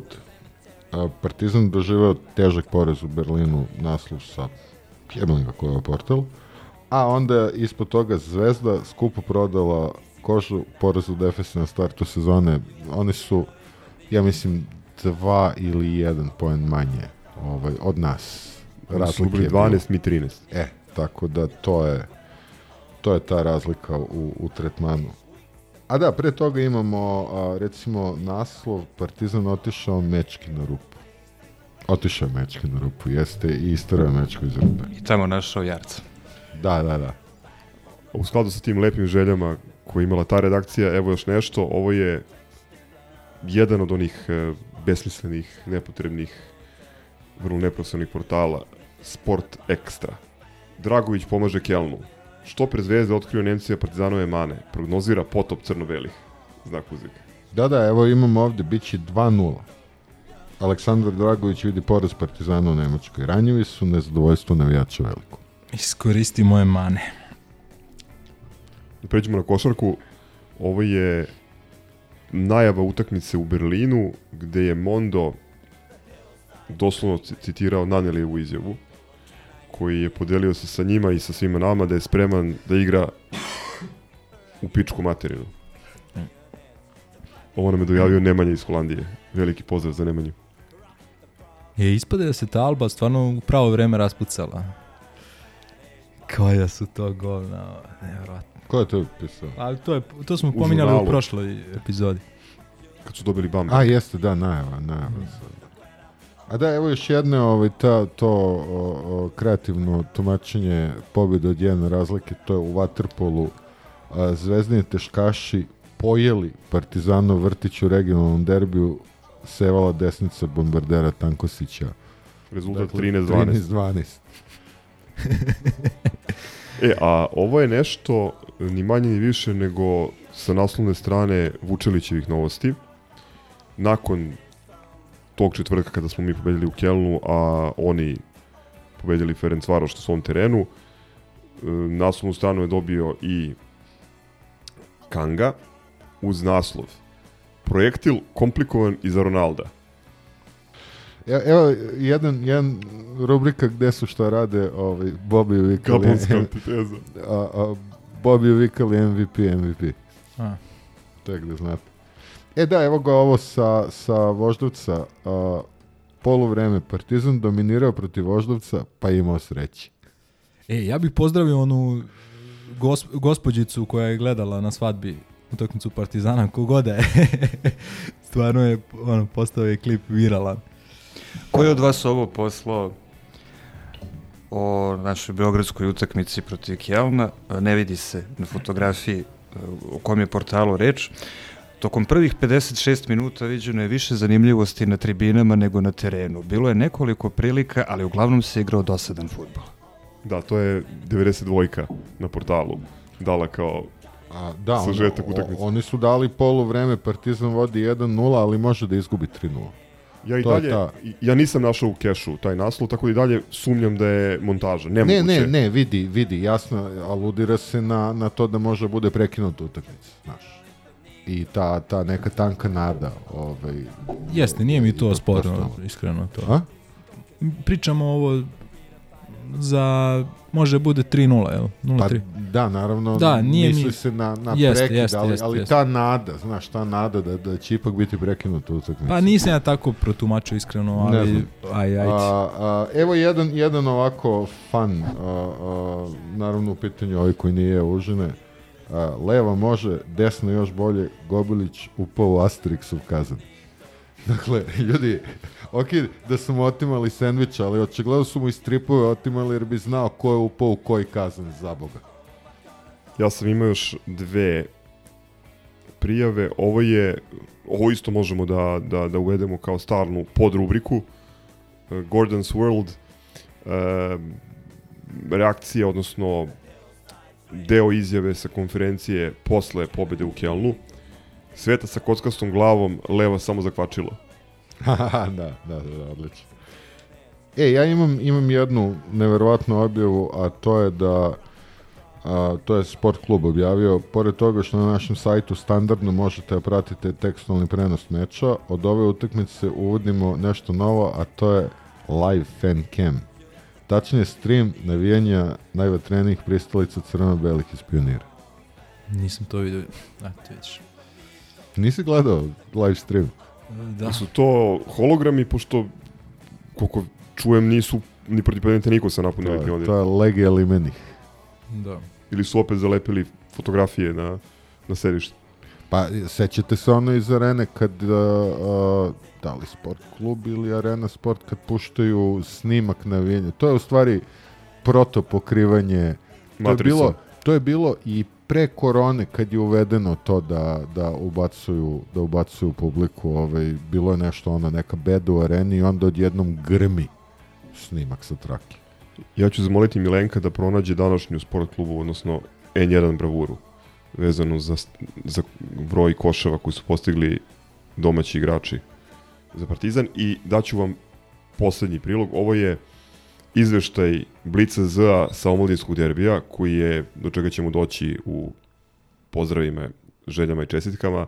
Partizan dobio onako vrlo ubedljivo rezultatom 1-3, iako su ovaj, komšije poslale, ako se ne varam, četiri igrača iz prvog tima, uključujući i Motiku, da igraju protiv naših. Naši su ih dobili. Elem, za Blica Z je glavni utisak sa utakmice koju je na, na, na zvezdinom trenu Partizan dobio 1-3. Sledeće. Kao Zlatan Ibrahimović sa velikim slojima. Majstorija Jovana Mijatovića u večitom derbiju za TV špice. Eto, to je nešto lepo i pozitivno što su oni videli na toj utakmici. Si našao Milenko? Ja sam. Naslov je samo tri poena srpskih igrača u porazu Partizana. Uh, sad ću otvorim link da vidim da li tu imaš nešto. Što je takođe materijalno netačno, pošto je Tristan Vukčević malo Grk, malo Italijan, E, malo Šveđanin. Ali da vas podsjetim da je Kevin Panter, Panter srpski košarkaš. Ne priznaju Kevina Panter. Kao što ni Ješić ne priznaje poraz Dovki. Ovaj, vidim da je napisao ovaj Marko Vlahović koji nas je komentarisao sinoć i za koja znam da je partizanovac i po meni je korektno jako i komentarisao utakmicu i moglo je da se oseti da, da onako da baš navije za nas. Tako da, eto, ne, ne znam, možda nije mu trebalo ovo, ali ajde. Mislim, Onaj Kulov iz Newsneta, vidim da je i on nešto bio zabrinut. ne znam, blokiran sam. ovaj, ali Vidio sam screenshot. Znaš šta, ovo, ovo je ono, mislim, evo, imamo ovde novinara koji će koji može o tome vjerojatno da priča do sutra. Ovo su one e, vesti ili objave koje su tačne. znači ti tu ne možeš da sad se žališ nešto, to je tačno, to je činjenica. Ali da, da bi se dovoljno dobro objasnilo ljudima taj fenomen, mora da se ide u prošlost i, i nešto bliže i nešto dalje. I kad je Partizanu zabranjivan, zabranjivano da dovodi talentovane igrače i da objasnimo fenomeni Mege i fenomene američkih univerziteta na koji odlaze klinci na ugovore koje imaju naši igrači na stanje u košarci i atmosferu u kojoj se igralo završnica prethodne sezone i ja znam iz, i svi mi znamo i imamo kontakte i sa nekim našim bivšim igračima koji su i reprezentativci Srbije i evroligaški igrači koji su ljudi neće da se vrate u ovo blato ovde. Neće da se vrati. Igraju za ozbiljne... Povrh svega toga, izvini, koji klub domaći je dao najviše reprezentativaca na prethodnim FIBA prozorima? I kom klubu su se dva igrača povredila. Naravno. I sad dobrim imamo, delom imamo, imamo, probleme zbog zbog toga. I Smajlagića i svega ostalog što se dešavalo. I da je sreće, iskreno, da nijedan naš igrač ne igra za reprezentaciju sve do ovih evropskih i svetskih prvenstava. A tu, tu im znači da igra. To je ne, ista- njima to je znači da ista tamo vr- igraju, ja to poštujem i to je okej. To je ista vrsta Ali ove hipokrizije, gluposti- hipokrizije kao i naš zabrinutost određenih krugova futbalskih. Zašto Partizan više ne daje u onoj meri prostora i šanse mladim igračima kao ranije? E, da, i to sam zaboravio. Znači, ja sam to pomenuo da li u prethodnoj epizodi, da je moja neka zamerka to što baš da ne igra više. Povlačim tu reč, znači Gordon Petrić me sa ove dve pobjede protiv Bundesligaša kupio, ja apsolutno nisam ni 1% kompetentan da komentarišem bilo šta u vezi futbala, a posebno to što ne igra Baždar da na- navodim kao ne znam kakvu zamerku. Eto, dobro, dobro si me podsjetio, eto, čisto da Ne, njim, oni bi volili najviše da Partizan pravi Mitrovića i Vlahović igra polurekreatani futbal gde će mladi da, da, se, da, se, da se kali i čeliče, a onda brže bolje ako pokažu kvalitet da idu u inostranstvo, a oni da lupaju reckice i da igraju svake godine u Evropi sa 78 stranaca na platnom spisku. Pa evo, na kraju krajeva, po- Karikiram. slična, slična euforija koja se diže oko KK Partizan i toga da ćemo da osvojimo Euroligu, vidim da se provlači i da ćemo da osvojimo svetsko prvenstvo u futbalu. Ko igra u, u toj reprezentaciji? Koje su nosioci igre, osim Tadića? Onaj a, Nikica Klinčarskog igrača, znaš. Pa, Taj nivo. Da. Nivo Nikica Klinčarskog, tako je. o čemu, o čemu dalje da pričam? Hoćeš da pročitaš, kad si već potegao i tu temu, e, šta je na- najveći problem koji Komšiluk ima sa Futbolskim savezom Srbije? Samo da naćem. To nisam ni otvorio da, da pročitam. E, dobar je, dobar je. to je ovaj, današnji biser. Baš onaj, u njihovom stilu, onaj, e, saopštenju njihovom stilu. Možeš da čuješ, kada bude čitao, možeš da čuješ tačno reči, odnosno glas osobe koja je, koja je sastavila tu Evo, sad ću malo na Naravno, preskok. te, teze, teza i dalje da je Kokeza grobar, kao što je i Pixi grobar. Da, da, evo, kaže, na funkciji predsednika već je viđen aktuelni potpredsednik Ne- Nenad Bjeković, nekadašnji funkcioner Partizana, što je za zvezdu neprihvatljivo i neće dozvoliti da se ponovi Slaviša Kokeza i 2017. godina. Sve zajedno sa Markom Zdrakovićem, kogod on bio, i Voždovcem, koga su sada postavili bla bla bla. I dalje, kaže, u Zvezdi već vide šta je cilj čelnika Futbolskog saveza. Preko sudijske organizacije po svaku cenu sprečiti Crvenu zvezdu da osvoji šampionsku titulu jer ove godine prvak ide direktno u Ligu šampiona. Najbolje je da ugase zvezdu, Zeka i Bijeka opet će da vode futbolsku Srbiju, Danilović vodi koša... Vidi, Danilović odjednom ubačen u priču. Danilović vodi KSS, Bijeković FSS, Tomislav Karadžić bio je pre njega, što je puno, puno je. Glasi saopštenje futbolskog kluba Crvena Saopštenje osobe koja je bila pre Tomislava Karadžića. Da. Vi, vidite ljudi, kad, kad krenu saopštenja, me, ja se nekako ovaj, obradujem. Jer saopštenja Da, su obično je da- vesnik, da. vesnik kanala u Ili koji će da znak da je bilo nešto- U strahu Da, su da. opširna saopštenja. Da, da. Pa, Čestitke želje, da. E, čestitke, a pozdravi i... ovo je treća, mislim da, m, uzastopna epizoda na kojoj propuštamo kutak za ništa sporno trenutak. Imao sam jednu prijavu koju su slali ljudi, e, tiče se njihove utakmice sa, budućnost, sa budućnost, protiv budućnosti. Ali, ajde, nećemo. nećemo. Bila je neka, ali ajde, nebitno, nije ni bitno. Faul Kuriđe u napadu, ja mislim, a... I 20 bacanja više. Kad je teško javor. Da, i puklo. Ovaj, ja bih pozdravio sve ljude koji su išli na gostovanje i u Keln i u Berlin. Evo, ja sam bio u Berlinu i mogu vam reći da mi je žao što nisam bio u Kelnu, ali sam i tekako svestan koliko bi to bilo naporno i logistički i finansijski i zdravstveno na kraju krajeva vidimo da su ovaj porazbolevali se nakon povratka kući jer nije ni malo lako verujte Dobro, mi. Ilija nije ni bio zdrav. Ovaj nije samo on. Ali stvarno ono svaka čast svakome ko je menjao neke svoje privatne planove i slobodne dane da bi uspeo i Keln da ubaci u već planirani Berlin i tako dalje. Zaista dubok naklon i svaka čast svim ljudima koji su bili na, i na je- pojedinačnim utakmicama, a poseban za ove ljude koji su uspeli da spoje jedno i drugo. Svaka čast. Biće zahtevno ovo ok oktobarsko-novembarsko ludilo ispratiti i futbol i košarku sa ovoliko utakmica svake nedelje, ali ljudi Kako ti jednom kažem- se živi i ne igra Partizan svaki dan, E, tako al- da uživajte ali u svakoj. Slatke su to muke. Lepo, lepo to. E, čestitke s moje strane i pozdravi omladinci, kao što rekao, Hrasturiše, Komšiluk iza juga rupe i ponovo jako lep gol Čičevca. Ko nije gledao, ljudi obavezno premotajte. Ovo je drugi omladinski derbi za redom da Petković postiže jedan fantastičan gol. I kao što malo prepomenuh, za Cigane igrao i 2,5 miliona evra plaćeni Motika i nije se naigrao. Drugi pozdrav uz uh, zah zahvalnost Nikoli na dojavi za Erika Miku, koji je završio u Las Vegasu. Ovaj, što je vratno poslednje mesto u Americi gde, gde, ćete naći mormona. Da. Jel peva ko Elvis ili... Ali vidi, Viva Las ne, a, Vegas. a, znaš šta je, e, ali znaš šta je najjača fora od svega?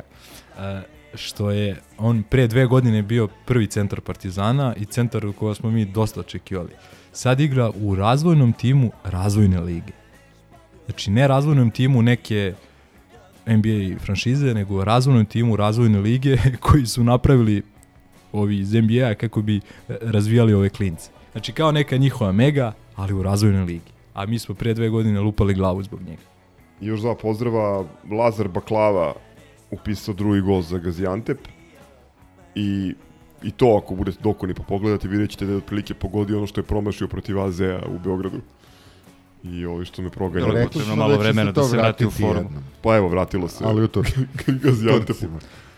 E, imam ja još jedan pozdrav. E, pozdravio bih e, momke iz e, Bijeljine, koji nas redovno slušaju, kako kažu, i koji su ovaj, uputili e, pozdrave svima nama u Berlinu, koje sam upoznao u Berlinu na utakmici. Pozdrav za Bijeljinu. Da, tako da, eto. I još jednom pozdrav za Gordana Petrića. Imam ja dva pozdrava. Prvi je za navijačku junakinju večeri, one naše divne beogradske večeri protiv Kelna, koja je tati poslala poruku tata ova govna guraju naše igrače. E, nije potreban detaljniji komentar, to je samo jedno divno svedočanstvo kakva deca Partizana rastu i od njih imamo velike očekivanja svakako. A, drugi pozdrav po običaju za mog drugara Mladena Đurovića. Ako smo mogli protiv Nemaca, možemo i protiv bilo koje bolesti. Ćao. Ćao. Ciao, brate. Salim ti prijetna dan.